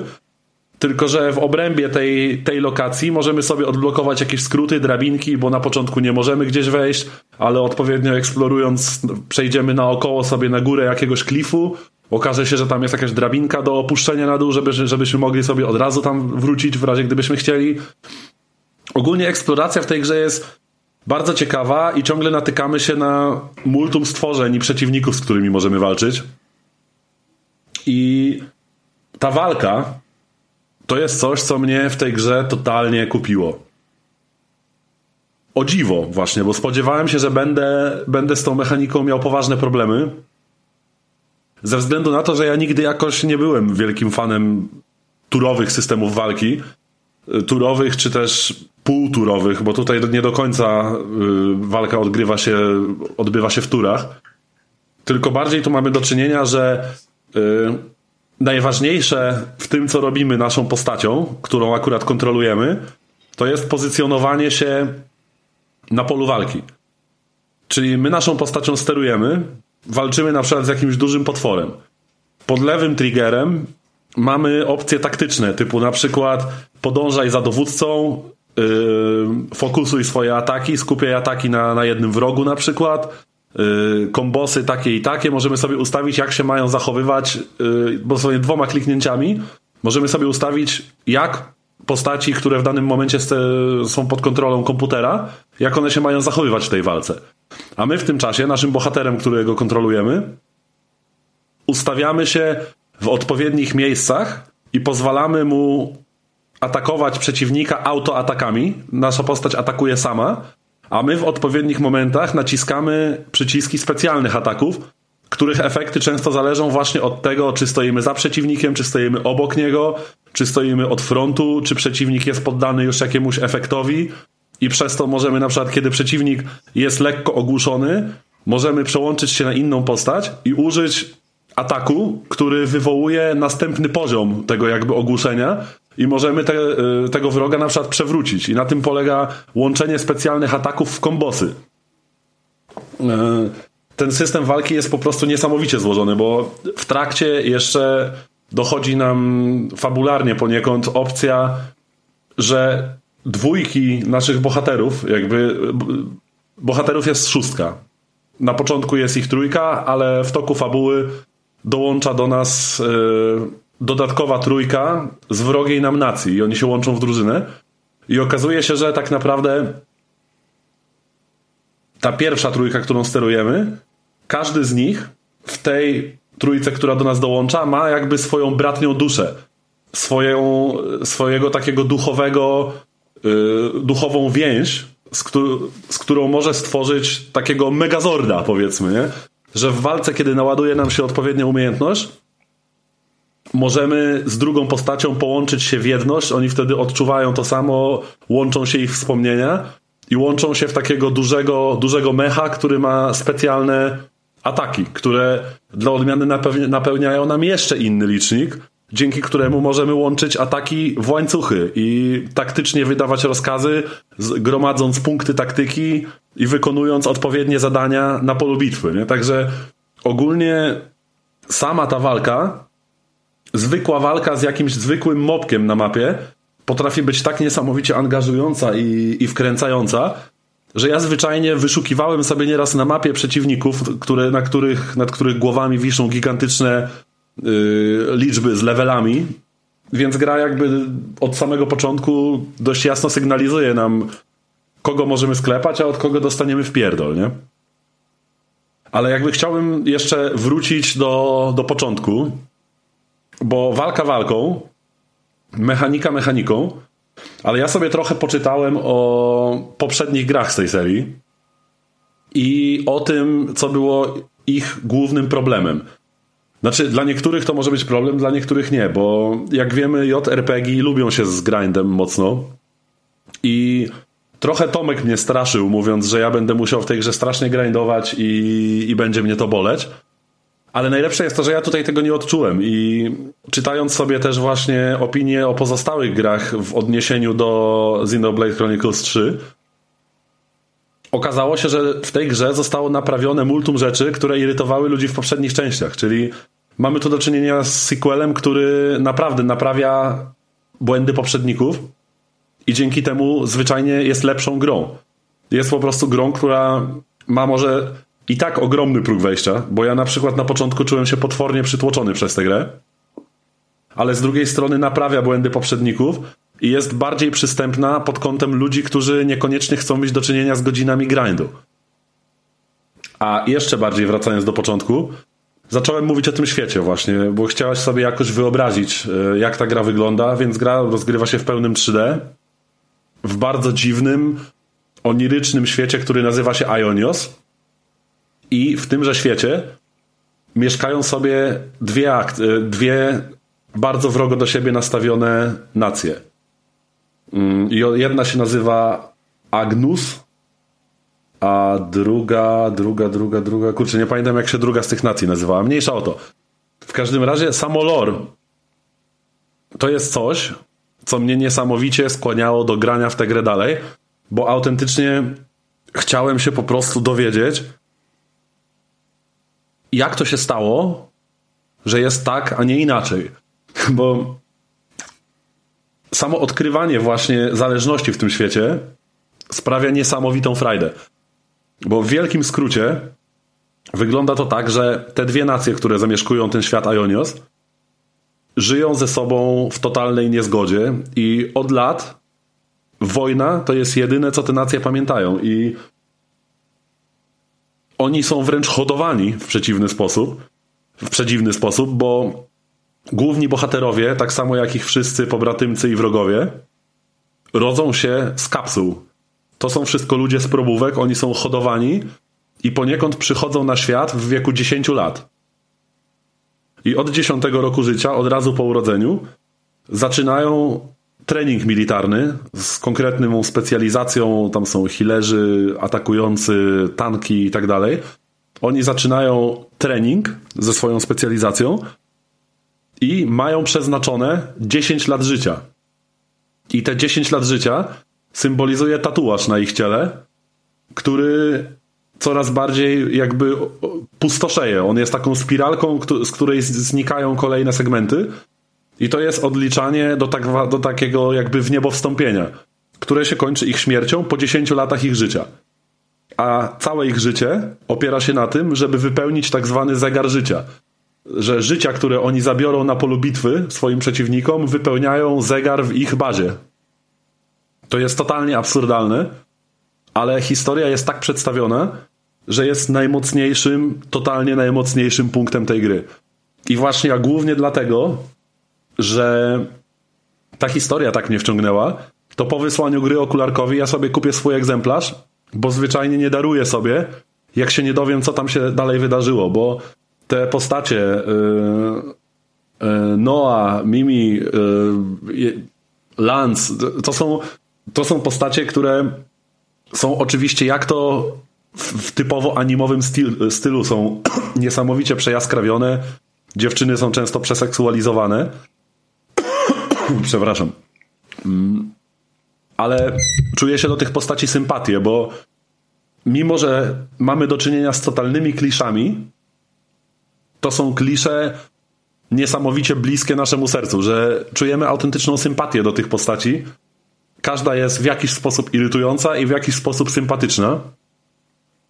Więc zwyczajnie się z tymi postaciami zżywamy i mi największą właśnie frajdę sprawiało śledzenie ich losów. Po prostu yy, słuchanie kolejnych dialogów, kiedy, kiedy między tymi postaciami, trójką z jednej nacji i trójką z drugiej z tych nacji, która, które po prostu zostały te dwie trójki ze sobą zetknięte w totalnie absurdalnych, kosmicznych okolicznościach.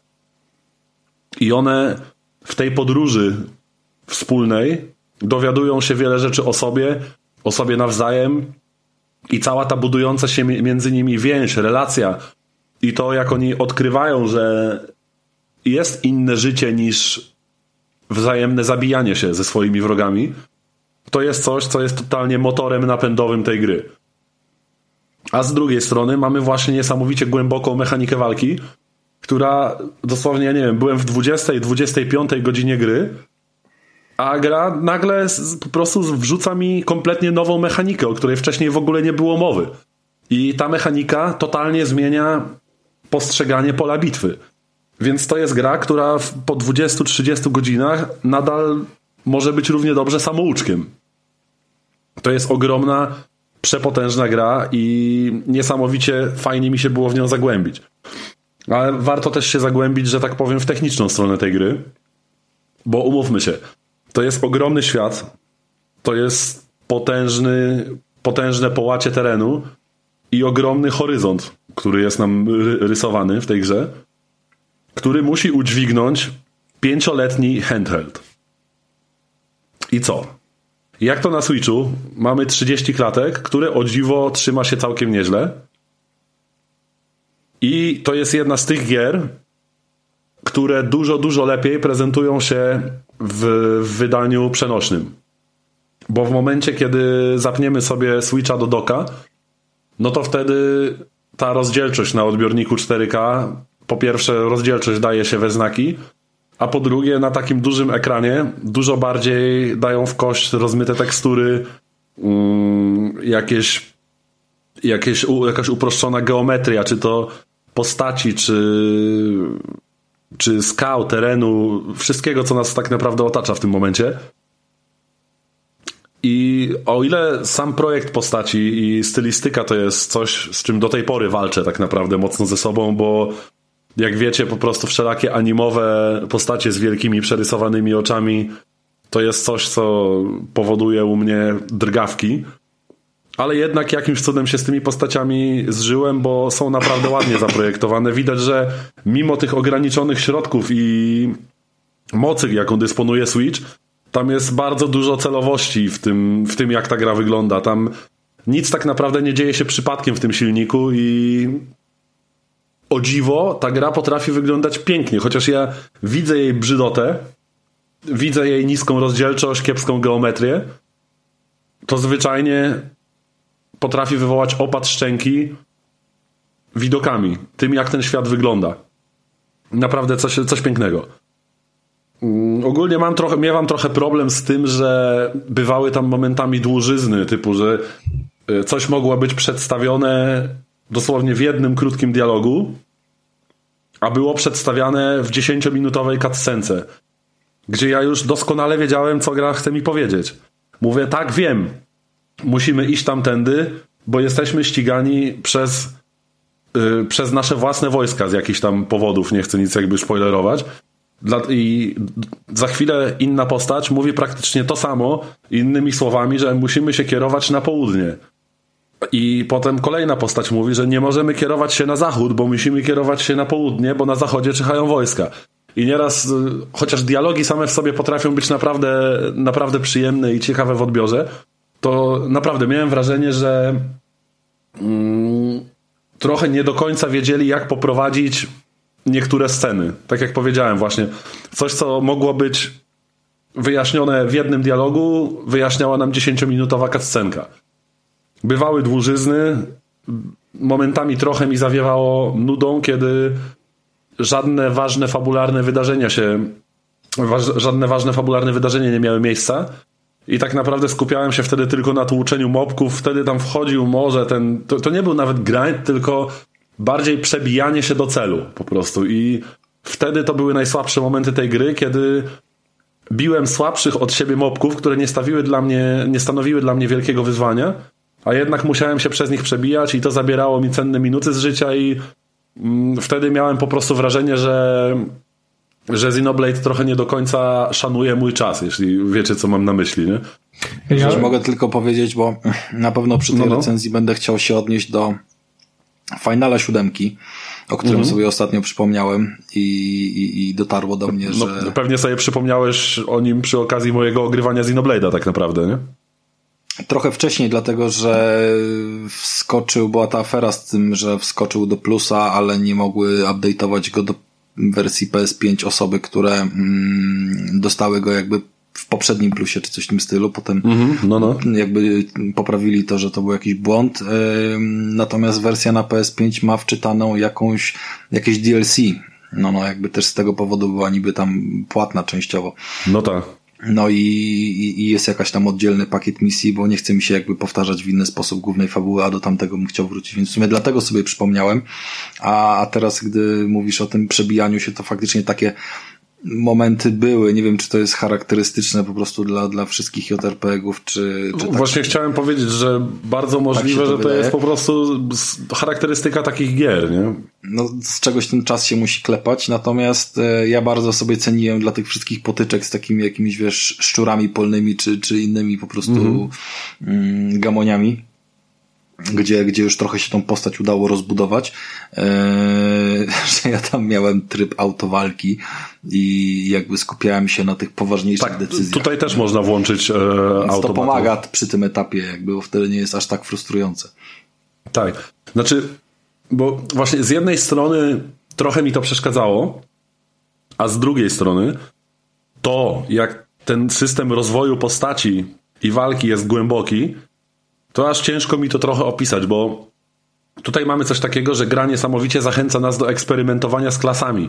Bo tutaj w pewnym momencie postać każdej, e, klasę każdej postaci możemy zmienić na klasę innej postaci i łączyć te klasy. Możemy sobie jedną postać e, najpierw wyszkolić w jednej klasie, później w drugiej i z każdej z tych klas po e, wymaksowaniu tej klasy na danej postaci otrzymamy jeden atak mistrzowski z tej klasy, którego będziemy mogli używać niezależnie od tego, jaką klasę włączymy na tej postaci.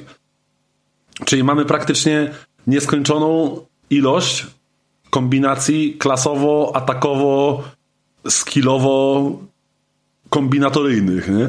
To, jest, to jest coś naprawdę głębokiego, więc kiedy mi się to nudziło, powiedzmy, to moim sposobem na walkę z tym przebijaniem się przez hordy szczurów, bestii polnych i przysłowiowych caterpich, jak w Pokémonach, to, to właśnie było żonglowanie tymi postaciami, dawanie im do ręki innych umiejętności, szczególnie kiedy dostajemy do, do dyspozycji możliwość tworzenia klejnotów, które trochę zmieniają y, właściwości naszych postaci. Więc to jest dobry, dobry sposób właśnie na poradzenie sobie z wkradającą się gdzie niegdzie nudą. I gra wręcz do tego zachęca, bo nawet kiedy wymaksujemy jakąś postać na danej klasie, to gra wręcz yy, pokazuje nam komunikat, że osiągnąłeś maksymalną rangę w tej klasie, zalecana zmiana klasy, nie? I, i to jest bardzo ciekawe, to jest, to jest fajne i nie, nie wiem jak to w finalu wyglądało, ale te systemy właśnie Xenoblade opiera się na systemach. To jest gra niesamowicie złożona, niesamowicie głęboka i przez to niesamowicie wciągająca, bo właśnie mam wrażenie, że o ile mnie do poznawania tej gry pchała głównie historia, bo autentycznie się zaangażowałem w historię tej szóstki gówniarzy kilkunastoletnich, którzy odbywają po prostu epicką podróż, epicką przygodę w poszukiwaniu tak naprawdę nowego życia, nie? Oni odkrywają nową drogę życia. To w pewnym momencie, pamiętam, ruszyło mnie niesamowicie, jak oni po raz pierwszy spotkali osobę, która się zestarzała. Oni nigdy nie widzieli starości, bo oni rodzą się w wieku 10 lat i umierają w wieku 20 lat, nie? I, i to jest właśnie taka opowieść o, o szukaniu własnej drogi i, i poniekąd też o próbie zwrócenia innym uwagi na to, że można żyć w inny sposób w tym świecie. I mnie do tego pchała właśnie ta historia o tych dzieciakach, którzy szukają po prostu swojej drogi w życiu i, i próbują coś zmienić. Ale z drugiej strony, dla taktyczno-JRPG-owych freaków równie dobrze motorem napędowym może być poznanie w jak najlepszym stopniu, w jak najgłębszym stopniu tych mechanik rządzących walką. I, I to jest coś naprawdę zajebistego. Mi się to niesamowicie podobało. No tak jak powiedziałem, najlepszą rekomendacją jest to, że po wysłaniu tej gry okularkowi kupuję swój egzemplarz, bo chcę ją po prostu skończyć. I Xbox i Playak przez ostatnie kilka tygodni się po prostu kurzyły, bo wszędzie chodziłem ze Switchem i starałem się jak najwięcej uszczknąć z tej gry. Ja mam, mam około, myślę, 80-90 godzin na liczniku. Mm. I chcę więcej. Chcę więcej po prostu, mimo tam jakichś niedociągnięć technicznych, e, uproszczonych modeli postaci, często uproszczonej geometrii, ale na przykład już sam design świata i projekt potworów, na przykład, z którymi się mierzymy, to jest coś nieprzeciętnego. Naprawdę stwory niektóre, które nas atakowały, czasem nie do końca wiedziałem, czy stoję z przodu, z tyłu, czy z boku danego stwora, bo był taki dziwny, mackowaty, bulgoczący, że nie wiedziałem właściwie, co się dzieje i nie wiedziałem, z której strony go atakować. Także w każdym razie polecam. No. Ja, ja mam do Ciebie takie pytanie, ile osób jest w teamie? Sześć osób. Początkowo przez pierwsze kilka godzin masz trzy osoby, głównych bohaterów. No. Ale w toku fabularnych wydarzeń dołącza do nas dodatkowa trójka. A nie wydaje ci się, że to jest strasznie dużo, że, że jeszcze levelujesz, coś tam musisz... E... Tak, właśnie, gdzie ja już byłem trochę przytłoczony, kiedy miałem trzy postaci i okazuje się, że hmm. tam są jakieś klasy. Tam mogę kombinować sobie z atakami. Tu jest kancelowanie autoataków na rzecz specjalnych umiejętności. Tu jest to, tu jest nabijanie jakiegoś licznika w walce, tu są jakieś taktyczne opcje. I nagle, i, i nagle kiedy myślę, że już w tej, w tej grze tak działa to cały czas. Że myślisz, że coś już opanowałeś i wtedy nagle masz jeb, masz sześć postaci, które musisz ogarnąć i do tego dochodzą ci nowe klasy, bo tamte postaci pochodzą z zupełnie innej nacji, więc walczą w inny sposób, mają zupełnie inne umiejętności i skille i nagle okazuje się, że ty możesz się tymi skillami wymieniać pomiędzy tymi nacjami, tak? Pomiędzy bohaterami z, z różnych nacji. I to owszem, ta gra może przytłaczać. To trzeba mieć na uwadze, kiedy, kiedy się będzie do tej gry siadać. Ja na początku byłem potwornie przytłoczony. Nie wiedziałem tak naprawdę, z czym to się je. Szczególnie, że to jest mój pierwszy JRPG i od razu na pierwszy ogień wybrałem sobie grę o takim stopniu złożoności, który nawet weteranów potrafi, potrafi momentami załatwić, tak? No to. No okej, okay, no właśnie to, to, to chciałem się spytać, czy wiesz, czy też nie ma pierdolnika przy walce, jak jest, wiesz. Pierdolnik jest niesamowity. Pierdolnik jest nieziemski. Ja momentami naprawdę nie wiedziałem, co się dzieje na ekranie. I musiałem na przykład zmienić perspektywę, przełączyć się na inną postać, mhm. żeby w ogóle zorientować się, co się dzieje, nie? Bo patrzę, jakaś postać mi leży, widzę na jej pasku zdrowia, że postać padła, ale mówię, gdzie ona kurwa jest? Jak ja mam ją podnieść? Co ja mam zrobić w ogóle, nie? Ale no to tak. ma swój urok. To ma swój urok i potrafi dawać naprawdę potężną satysfakcję. Jak y, kiedy nagle w teoretycznie przegranej walce uda ci się tak rozstawić te postaci i użyć umiejętności w takich konkretnych kolejnościach i zastosować taką taktykę, że potrafisz odwrócić losy, losy bitwy na swoją korzyść, to wtedy to potrafi naprawdę robić niesamowitą robotę. Mhm. I, I mi sprawiało to sporo satysfakcji, chociaż na pewno nie taką, jak właśnie odkrywanie tej historii. Bo po raz kolejny powtarzam, jestem zaskoczony, bo ja się nastawiałem mocno, że jeśli chodzi ogólnie o japońskość,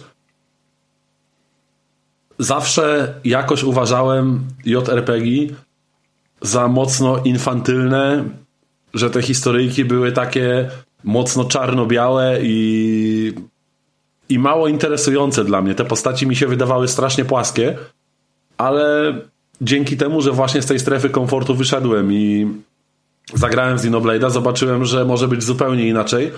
I jestem niesamowicie zaskoczony tym, że mimo, że to jest historia o nastolatkach szukających własnej drogi, czyli coś, co brzmi totalnie sztampowo, to totalnie zaskoczyła mnie głębia tej historii. Zaskoczyło mnie to, jaka to jest mądra i dobrze przemyślana opowieść.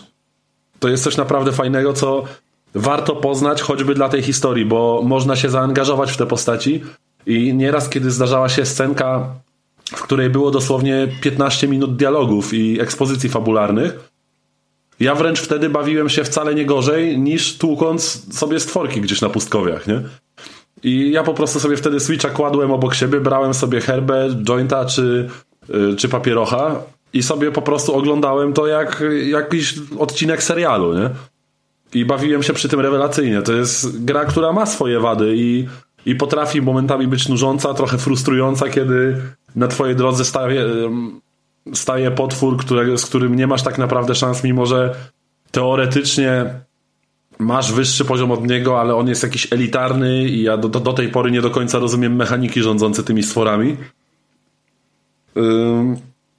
to jednak To jest jeden z takich naprawdę mocniejszych RPGów, jakie, w jakie grałem ostatnimi czasy. Na pewno najbardziej złożony RPG, w jakiego grałem od dawna. Jedna z ciekawszych historii w ciągu ostatnich, powiedzmy, dwóch, trzech lat, jakie spotkałem w, w grach komputerowych. I to jest po prostu naprawdę kawał dobrej, ogromnej, dobrze przemyślanej i lepszej od poprzedniczek gry. Mimo, że ja w poprzedniczki nie grałem, to jakby w ramach takiego researchu do, do tej recenzji, żeby gdzieś tam mieć jakiś, e, jakiś punkt odniesienia, żeby wiedzieć mniej więcej o czym mówię, to właśnie z tego, co wyczytałem, z wypowiedzi fanów tej serii, którzy grali w poprzednie części, to tutaj dużo rzeczy zostało poprawionych i zwyczajnie trójka jest najlepszą formą obcowania z Xenoblade'em. Mhm. Czyli nawet I dobrze naprawdę od tego dziękuję, zacząć. dziękuję. Ja zwyczajnie jedyne co mogę powiedzieć to po prostu dziękuję, bo dzięki temu, że w końcu się odblokowałem na gry, w które nigdy nie grałem, przeżyłem naprawdę fantastyczną przygodę i, i to jest kawał, kawał, kawał ogromnego, zajebistego, soczystego RPGa, w który warto zagrać, więc wszystkim, którzy tak samo jak ja reagują odruchem wymiotnym na animowe postaci, znaczy ja dalej reaguję. Dalej mnie trochę mdli. Jak, jak, widzę te mordy, tak gram, że o, ale to dobre w sumie, nie? Trochę, trochę się krztuszę, no. Jak takim takim penisem, którego trochę chcę postać, a trochę nie. nie? Ciekawe, ciekawe. No dobra. E, czyli jak najbardziej polecasz, więc e, będziemy grali. Tak, tak, jak najbardziej. Dzięki, dzięki Okularek za, za te rekomendacje. Dzięki, że akurat y, mnie wybrałeś, że tak powiem, jak Pokemona ze swojego Wybieram Pokemona. cię. Weiser, wybieram cię. tak jest. E, dobra, więc e, słuchajcie, e, Xenoblade Chronicles 3 na Nintendo Switch został przez nas omówiony. Jak najbardziej polecamy. E, no dobra, e, słuchajcie, mamy jeszcze trochę czasu, więc nie będziemy kończyć tematem głównym. Lecimy dalej z gierkami, więc Rafał, budzimy Rafała, budzimy Rafała. Mam nadzieję, że nie trafił do szpitala. Tym razem, chyba zemdlał. Tym razem nie trafił do szpitala, tym razem trafił na kampus. Rafale, więc o.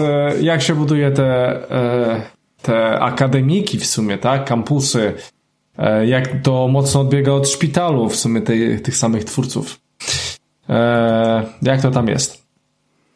To Point Campus, kolejna gra z Game Passa. Dzisiejszy odcinek o, ewidentnie Krystian prowadzi. Sponsorowany przez chwila. Oj, to... To, jest, to jest już normalne. To jest już normalne.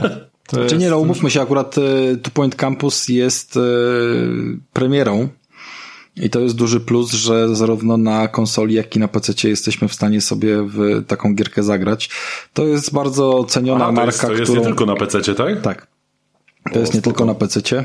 Hmm, tak, znaczy ja grałem na PC, ale jakby jestem przekonany, że zainstalowałem też na konsoli, a przynajmniej widziałem dostępność. Możesz to sprawdzić w międzyczasie, że... Nie jest na 100%, bo moja żona gra tu, a ja gram tu. No, no właśnie tak mi się wydawało, hmm, że, że, że gadaliśmy o tym. Zasadniczo cała jakby rozgrywka na pierwszy rzut oka wygląda tak samo, no bo mamy e, charakterystyczny izometryczny rzut, e, grafikę 3D, mm, ale z, z lekka jednak taką animowaną, narysowaną miękką kreską. Mm, z delikatnym humorem, które nam przedstawia jakiś budynek. W tym wypadku to jest e, kampus e, jakiś tam studencki w odróżnieniu od e, szpitala. No i jakby mamy tam jakieś kolejne sobie misje, musimy wykonywać różne rzeczy. Natomiast wydaje mi się, że kwestia zmiany zasad rozgrywki, które się tutaj odbywają. Oczywiście, no jakby jest on mocno związany z mm, rozbudowywaniem o kolejne wymagane y, pomieszczenia y, dla szkoły tych, tych, y, tego miejsca, które mamy jako kampus albo całego kampusu jakby o nowe budynki.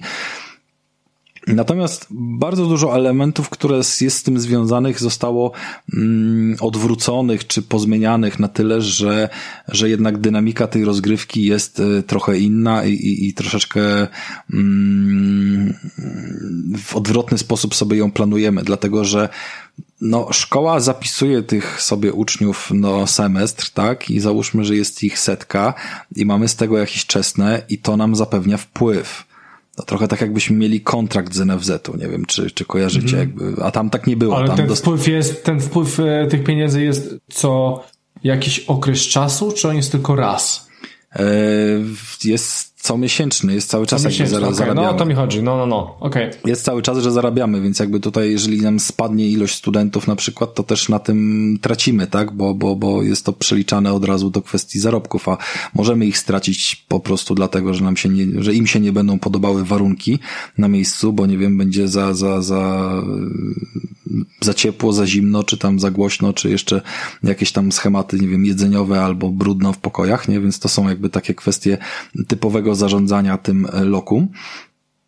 Ale jednocześnie mamy kwestię tego, że musimy zadbać o ich edukację. To jest jakby takim podstawowym elementem i każda kolejna mapa i zdobywanie na nich gwiazdek yy, powoduje, że po prostu mm, mamy coraz to bardziej srogie wyzwania i na przykład ileś tam uczniów musi zaliczyć z najwyższą oceną, albo tamtą drugą od góry, albo że nie może oblać nikt, albo że ileś tam osób ma wskaźnik 75 i tak dalej, i tak dalej, nie?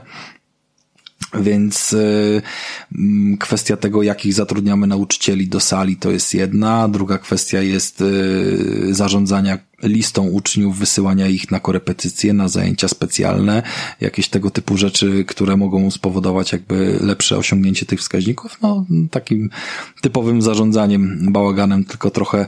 Y, Ale, czyli powiedz mi, Czyli to jest, jest dużo takiego zarządzania w skali mikro, mikro zarządzania stricte, czy czy raczej tam się zajmujemy bardziej ogólnikami? Hmm, budujesz wszystko. Mhm. Jeżeli budujesz wszystko, no to jakby każdy grzejnik, który postawisz, każda ściana i rozmiar ma znaczenie, tak? I jakby pomieszczenia o, o poszczególnym jakby przeznaczeniu zajmują tutaj dosyć sporo y, kratek, bo, bo, bo załóżmy są to jakieś urządzenia, które coś robią większego, jakiś tam mają wpływ, załóżmy jakieś, wiesz, od laboratoriów, tak? I mhm. powiedzmy takie obiekty typu 8 na 8 co już jest jakby sporym pomieszczeniem, mm, nie są wcale jakieś zaskakujące, a musi to pomieszczenie do prowadzenia lekcji być zamknięte, mieć wejście, w środku musi mieć grzejnik albo klimę, albo jedno i drugie, a może gdzieś jeszcze na korytarzu automat, a dobrze, żeby była toaleta i tak dalej. Więc mamy całą tę kwestię mm, budowania wszystkiego i Mm, budowanie drugiego budynku kampusu jest bardziej kosztowne niż wykorzystanie dobre tej przestrzeni, która jest już y, na dzień dobry mhm. dostępna. Ale no bo, bo jakby tylko budujesz ścianki wewnątrz i, i, i wstawiasz tam wyposażenie. Mm, natomiast wymagania do poszczególnych e, obiektów są takie, że tego Tetrisa trochę się trzeba pobawić, bo to ma znaczenie, czy korytarz będzie puszczony z tej strony, czy z tej, mm, czy mhm. zrobić tak, żeby było ładnie, czy zrobić tak, żeby było bardziej praktycznie i zmieściło się tu pięć sali lekcyjnych, a nie cztery, a z kolejną pójdziemy gdzieś indziej, a może nam na to zabraknąć kasy. No i na początku tej kasy raczej nie brakuje i raczej to jest taka nauka typowo samouczkowa, to, to wiesz, nagle gra w którymś tam mm, kolejnym scenariuszu pokazuje nam, jak to jest zacząć szkołę przejętą od kogoś z zerem pieniędzy na koncie, mm, gdzie musimy Czyli zacząć... przejmujemy ruinę bliską bankructwa, tak? E, tak, i jakby pierwszym elementem, który musimy zrobić, to jest zaciągnąć pożyczkę, która będzie nam się spłacała w ratach miesięcznych i zarówno na 5 miesięcy, jak i na 10 miesięcy taka pożyczka może być w, mhm. w różnych wysokościach, więc uczymy się po prostu w ten sposób. We frankach kolejnej, Uczymy się kolejnej mechaniki, ale ta mechanika jakby jest y, tak przyjemnie wprowadzona na zasadzie, o, gdyby ci zabrakło kasy, to mm, tutaj masz pożyczkę. Nie, tutaj jest cała misja związana z tym, żeby nauczyć się gospodarowania hajsem y, na srogo, gdy musisz się zakredytować, nie? Mhm. I po drodze się potrafią dziać różne inne rzeczy, jakieś tam czynniki zewnętrzne, że coś się nagle poniszczy, że będą jakieś nieplanowane wydatki.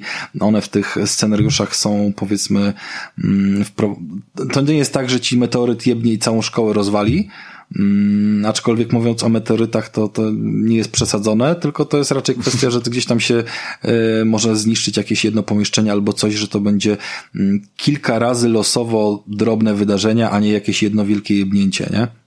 Czyli nie, nie kataklizm jak w SimCity na przykład. Nie, aż tak to nie. Bardziej chodziło o to, żeby pokazać ci, że pomimo, że wyjdziesz z tej dupy, że startujesz z zerem, to różne elementy, które tam po drodze będą niszczone, mogą spowodować, że drugi raz będziesz musiał wziąć tą pożyczkę nie dlatego, że startujesz z zerem, tylko dlatego, że dojdziesz do takiego momentu i po prostu no jest to ponowne wykorzystanie tej mechaniki, nie? Że jakby mhm. pokazujemy no ci, tak. że to nie było tak, że jeden raz i my te zapominamy o tym okienku. Tylko, że dalej można gdzieś tam z tego wyjść. No i chyba największą zaletą jest to, że można grać e, w tego Two Point Campusa na dwa sposoby. E, sposób kompulsywny polega na tym, żeby jak najlepiej, jak najszybciej wbić sobie te wymagania na pierwszą gwiazdkę, e, odblokować dzięki temu kolejne dwie szkoły i do kolejnych szkół pójść, zobaczyć, co tam zostało przygotowane przez twórców, dlatego że każda ze szkół jest y, jakby innej tematyki. I mówimy tutaj łącznie z tym, że są szkoły magii, szkoły filmowe, szkoły szpiegów i jakby tego typu klimaty. Więc y, wśród nich będzie dużo fajnych pozycji do nauczania, jakieś specjalne mm, sale, które nam troszeczkę ma bardziej powiedzmy nacieszą nasze oczy jakimiś akcjami albo spowodują jakieś ciekawe komentarze czy, czy inne nieprzewidziane wydarzenia, tak jak mówiłem chociażby o tych deszczach meteorytów.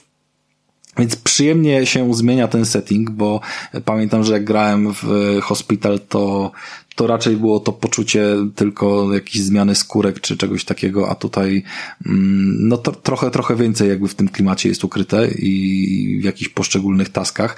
Mm, jako przykład wam dam tutaj kwestię chociażby tych szkoły szpiegów.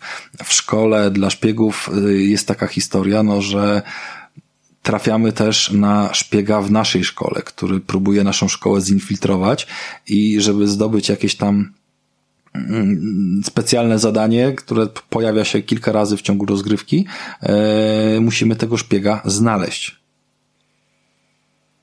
Mhm taka długa, przeciągnięta cisza, bo musiałem się zaciągnąć, ale znaleźć i wyjebać z tej szkoły na zbity pysk. Ale na, na jakiej zasadzie się odbywa znajdowanie szpiega? To jest jak Where a bardzo, Wally, a bardzo, czy, czy bardzo dobrze, że nie. Ten szpieg się niczym nie różni od innych. On może być w przebraniu jednym z wielu różnych skórek uczniów, które tam się pojawia. Tak, i... tak.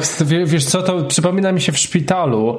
E, były te e, choroby, czasami były jakieś tam epidemia wypuchała i ludzie zachowywali się tak, nie wiem, tańczyli albo coś i trzeba było ich szukać w tych stu to, ludzi. To jest podobny mechanizm, tylko że tutaj też to no. nie jest kwestia jasnego tańczenia, bo oni w szkole szpiegów wszyscy zachowują się podejrzanie, więc jakby po samym obserwowaniu zachowań to nie działa. Mhm. Mm, tutaj jest kwestia taka, że jeżeli jest sobie ten szpieg, to w jego otoczeniu pojawia się taka ikonka dodatkowa, to wygląda jak tak by ktoś ołówkiem narysował kółko w jednym miejscu, wiesz, pięć razy, e, takie poplątane myśli, czy coś w tym stylu.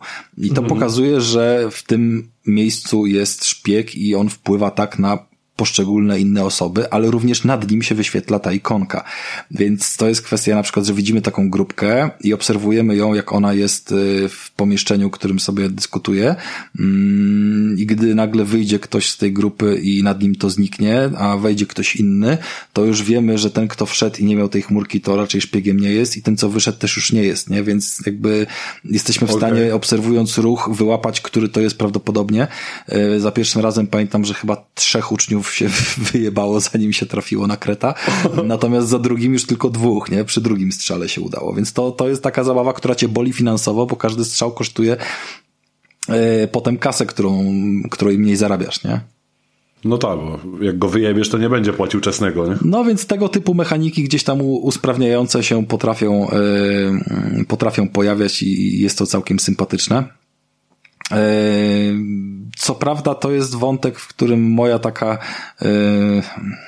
wyobraźnia od razu podpowiedziała, że gdyby było trochę więcej budżetu, to można by zrobić pewną fajną rzecz, bo mm, gramy tutaj w cyklu semestrów, w sensie tych, tych lat szkolnych i jeżeli mamy, nie jest to co prawda tak stricte podzielone na etapy, że, że po prostu gramy dopóki nie osiągniemy danego celu, nawet jeżeli nam to zajmie trzy kolejne lata, a nie, nie rok czy dwa, to dopiero wtedy na przykład osiągniemy ten wynik, y, który jest tam założony jako, żeby zdobyć tą gwiazdkę. Załóżmy tam, że 90% uczniów zdało. Y, no i wiadomo, że musimy po prostu dociągnąć do kolejnego całego semestru, bo wtedy są egzaminy, nie?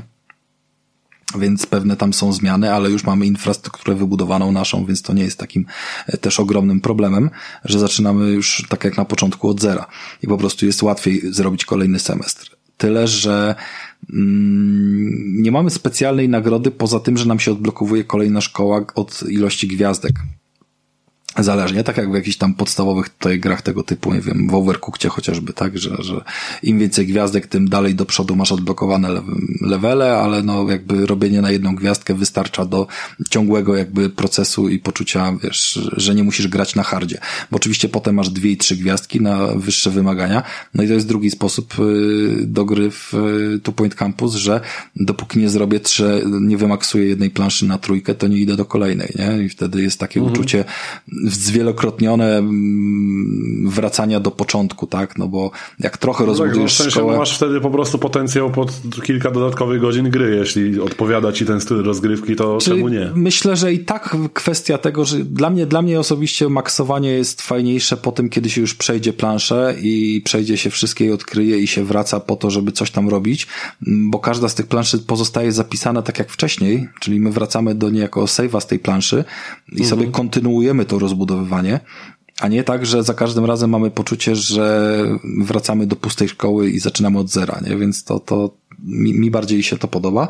No tak, bo to też tym bardziej by gra jeszcze bardziej nie szanowała twojego czasu, gdybyś, gdybyś musiał za każdym razem od początku robić to na przykład, co ci się już sprawdziło, i to no, by no bo mówię, no bo ten timing... już nie na tym fajnym rozkminianiu, że co zrobić lepiej, co zrobić gorzej, tylko, że trochę tak jak w tym escape roomie, że musisz ileś tam rzeczy powtórzyć, żeby dojść do takiego no, momentu, żeby no móc właśnie, nie? No właśnie, więc tutaj jest kwestia, że po prostu każda szkoła ma tak jakby swojego save'a, swój slot i, i, i nie wiem, czy tam są różne, że może kilka osób grać, ale to, to pomijam, no bo wiadomo, są konta na, na konsolach czy na e, PC, tak, żeby ten problem rozwiązać.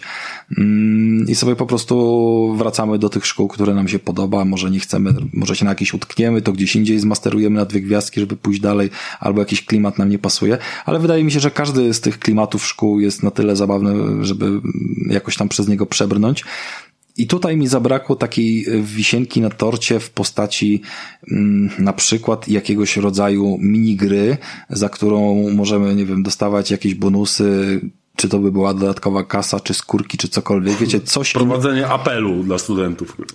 Wiesz co, różnie. Chodzi o to, żeby zależnie od tego, jaką mamy szkołę, klimatycznie, tematycznie, żeby była jakaś inna minigierka zrobiona, tak? Mhm. Że jak mamy szkołę szpiegowską, to można jakby setki pomysłów do głowy ci przychodzą. Jak mamy szkołę magii, to też jest setki pomysłów, żeby zrobić taki etap, który ci nagradza, że masz etap specjalny, załóżmy, na każdym poziomie zakończenia roku z gwiazdką i, i, i po prostu pobicia swojego wyniku nie byłoby to chyba aż tak dużo roboty, a, a brakuje takiego odświeżenia, takiego przerywnika, takiego mm, jeszcze większego elementu, że chcesz coś odkryć, bo sam fakt, że odkryjesz kolejną szkołę i tym razem się dowiesz, że to szkoła e, seksu i biznesu, to wcale nie znaczy, że tylko to cię e, usatysfakcjonuje, bo i tak zaczniesz już lecieć swoim standardem w budowaniu, wiesz, tym, co nauczyłeś się wcześniej w budowaniu poszczególnych pokoi, czytaniu tych wskaźników i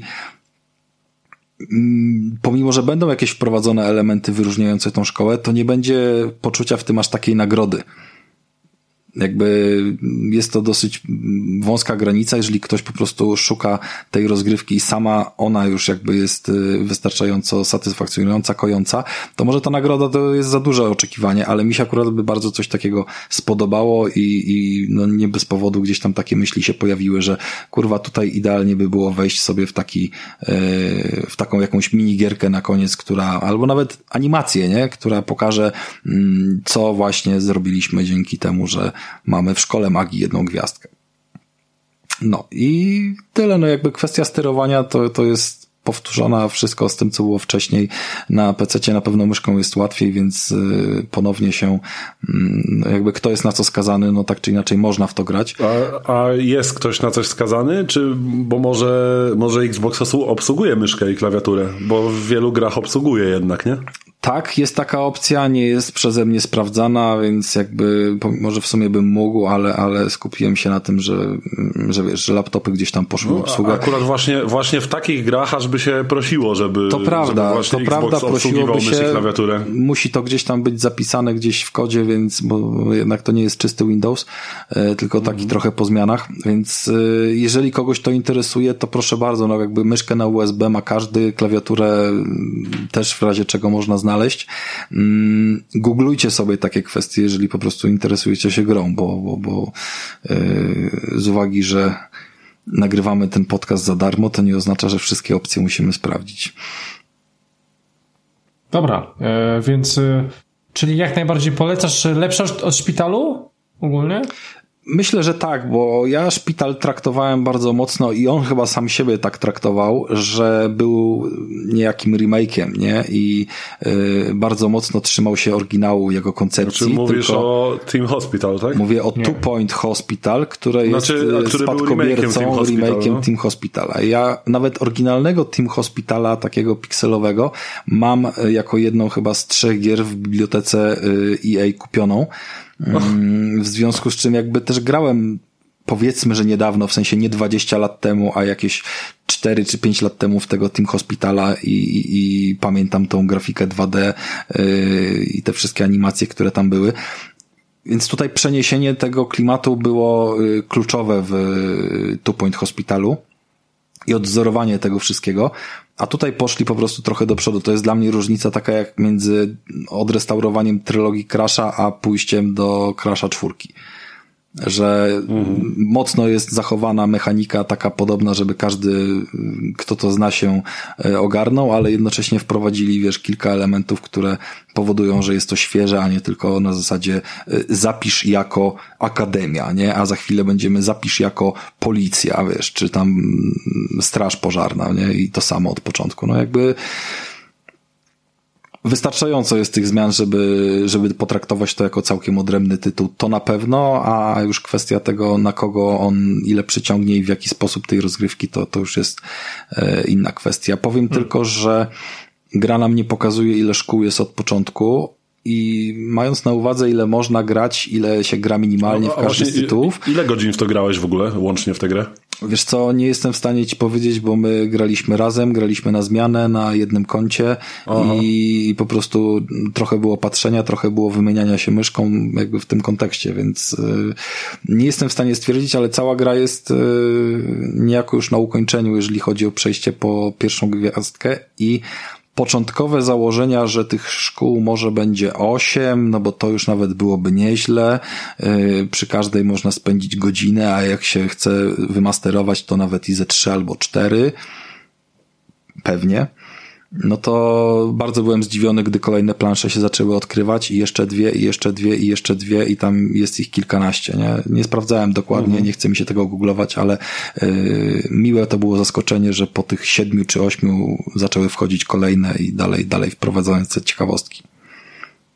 Spoko. Spoko. No, i, Dobra. I to w sumie tyle. A jakoś jeszcze jeżeli chodzi o klimat, jak pytałeś o ten Two Point Campus, to fajną ciekawostką jest, że ten sam głos wydający komunikaty ze szpitala, co w Two Point Campus i to A, jest de facto ten sam głos z oryginalnego Team Hospitala mm, został przeniesiony, pomimo, że komunikaty są nagrane nowe, inne, pasujące jakby do sytuacji, bo pani pracuje w sekretariacie teraz szkoły, a nie e, a nie na recepcji w szpitalu, ale wszystko jakby trzyma się kupy. Jest to ten sam stary, dobry, wygodny klimat tym hospitala. Hmm. Bardzo fajnie. E, dobra, więc e, w takim razie e, to jest dobry tytuł. Ja w ogóle tak sobie jeszcze pomyślałem, że ja z tym szpitalem, szpital w ogóle dla mnie był wow, rewelacja. I w sumie nie mogę się doczekać, kiedy sam się troszeczkę zagłębię w tego kampusa, ale właśnie ja ze szpitalem miałem problem właśnie, jeżeli chodzi o konsolę. No nie umiałem ogarnąć tego dobrze na padzie. W sensie nie czułem się swobodnie grając na padzie. W... To trochę jak z Rift Breakerem, nie? Że super gra, ale generalnie może trochę tracić przy sterowaniu padem. No. Ale Krystian, no jakby masz PC, który na pewno to uciągnie. Nie, no tak, w porządku, tak, tak, tak, tak. Tylko, że tak sobie pomyślałem, że że gra, w grę grałem się zdecydowanie lepiej na PC niż na konsolę. E, no, no gdyby tak. Mikołaj się przejmował, to by to zgooglował w międzyczasie pytanie, a tak pozostaniemy bez odpowiedzi. Będzie w płatnym DLC. Będzie w płatnym DLC, dokładnie. Będzie w płatnym DLC. Eee, dokładnie, więc e, słuchajcie, ja właśnie jak Rafa mówił o recenzji, to już kupiłem e, e, jedną grę E, na przyszły odcinek, nie wiem czy będzie, ale może na kolejny 221 e, też grę od patrona i jedną grę dla siebie już zamówiłem, więc będzie fajnie. A dla mnie też? Słucham? Dla mnie też zamówiłeś? Nie, dla ciebie. Nie. Pierdolę. E, ty, dobra. Ty, ty, będziesz miał za 2 czy 3 miesiące zamówione. Hmm. Smutno. Co smutno? No, abyś na premierę dostał, nie? No. E, dobra, słuchajcie, e, więc kończymy do brzegu. E, e, tym smutnym akcentem. Tym bardzo smutnym. Nie, właśnie bardzo super akcentem. Kupiłem sobie dwie gry. E, ale nie kupiłeś go do fora dla Rafała jeszcze. Więc. No ale przecież jeszcze premiery nie ma, więc co? E, no dobra, więc słuchajcie, standardowo wchodźcie na bezimienny.pl, tam wrzucam odcinki, może jakieś stare jeszcze powrzucam. Poza tym oczywiście Facebook, grupa facebookowa Bezimienny Podcast, mamy swoją grupę zamkniętą tylko dla wybranych, więc zapraszam tam do niej. Więc zapraszam wszystkich. Dokładnie. Poza tym oczywiście mamy jakiegoś tam Twittera, jesteśmy na YouTubie, Jesteśmy na Spotify'u, na Deezerze się okazało. Jesteśmy po prostu wszędzie, na apkach podcastowych, iTunesy. E, no i mamy swojego patroneta też, e, zresztą mówiliśmy dzisiaj, e, dziękujemy okularkowi za, za, za to, że Mikołaj mógł spędzić 100 godzin na kiblu, więc super. Poza tym chodźcie, zobaczcie jakie mamy fajne progi i ogólnie możecie nas wesprzeć. Mikołaj ogólnie już na wózku jeździ od tej recenzji. Zdrętwiałe nogi ma. No. E, więc e, jak najbardziej polecamy też e, zapoznać się również z tym. Chyba będziemy kończyć 219 odcinek. Słuchajcie, dobiega końca. Ja miałem na imię Christian Kender. Ze mną w studiu był Rafał Mikołaj Weiser. Kurde, To kto w końcu, kurwa? O, Majsko się zepsuło. Wiedziałem, bo wyjebałeś mi się? Ja powiedziałem Mikołaj Weiser. No byłem. Dziękuję serdecznie za, ten, za tę dawkę japońszczyzny i życzę wszystkim miłego wieczoru. Buziaki! No i e, był z nami Rafał Rodybski. Ponownie dziękuję wszystkim, cześć. E, słuchajcie, my standardowo słyszymy się za dwa tygodnie, ale być może w niestandardowym odcinku. Zobaczymy, czy nam się uda. Tak czy siak, do usłyszenia, drodzy słuchacze, trzymajcie się. Hej! Hej!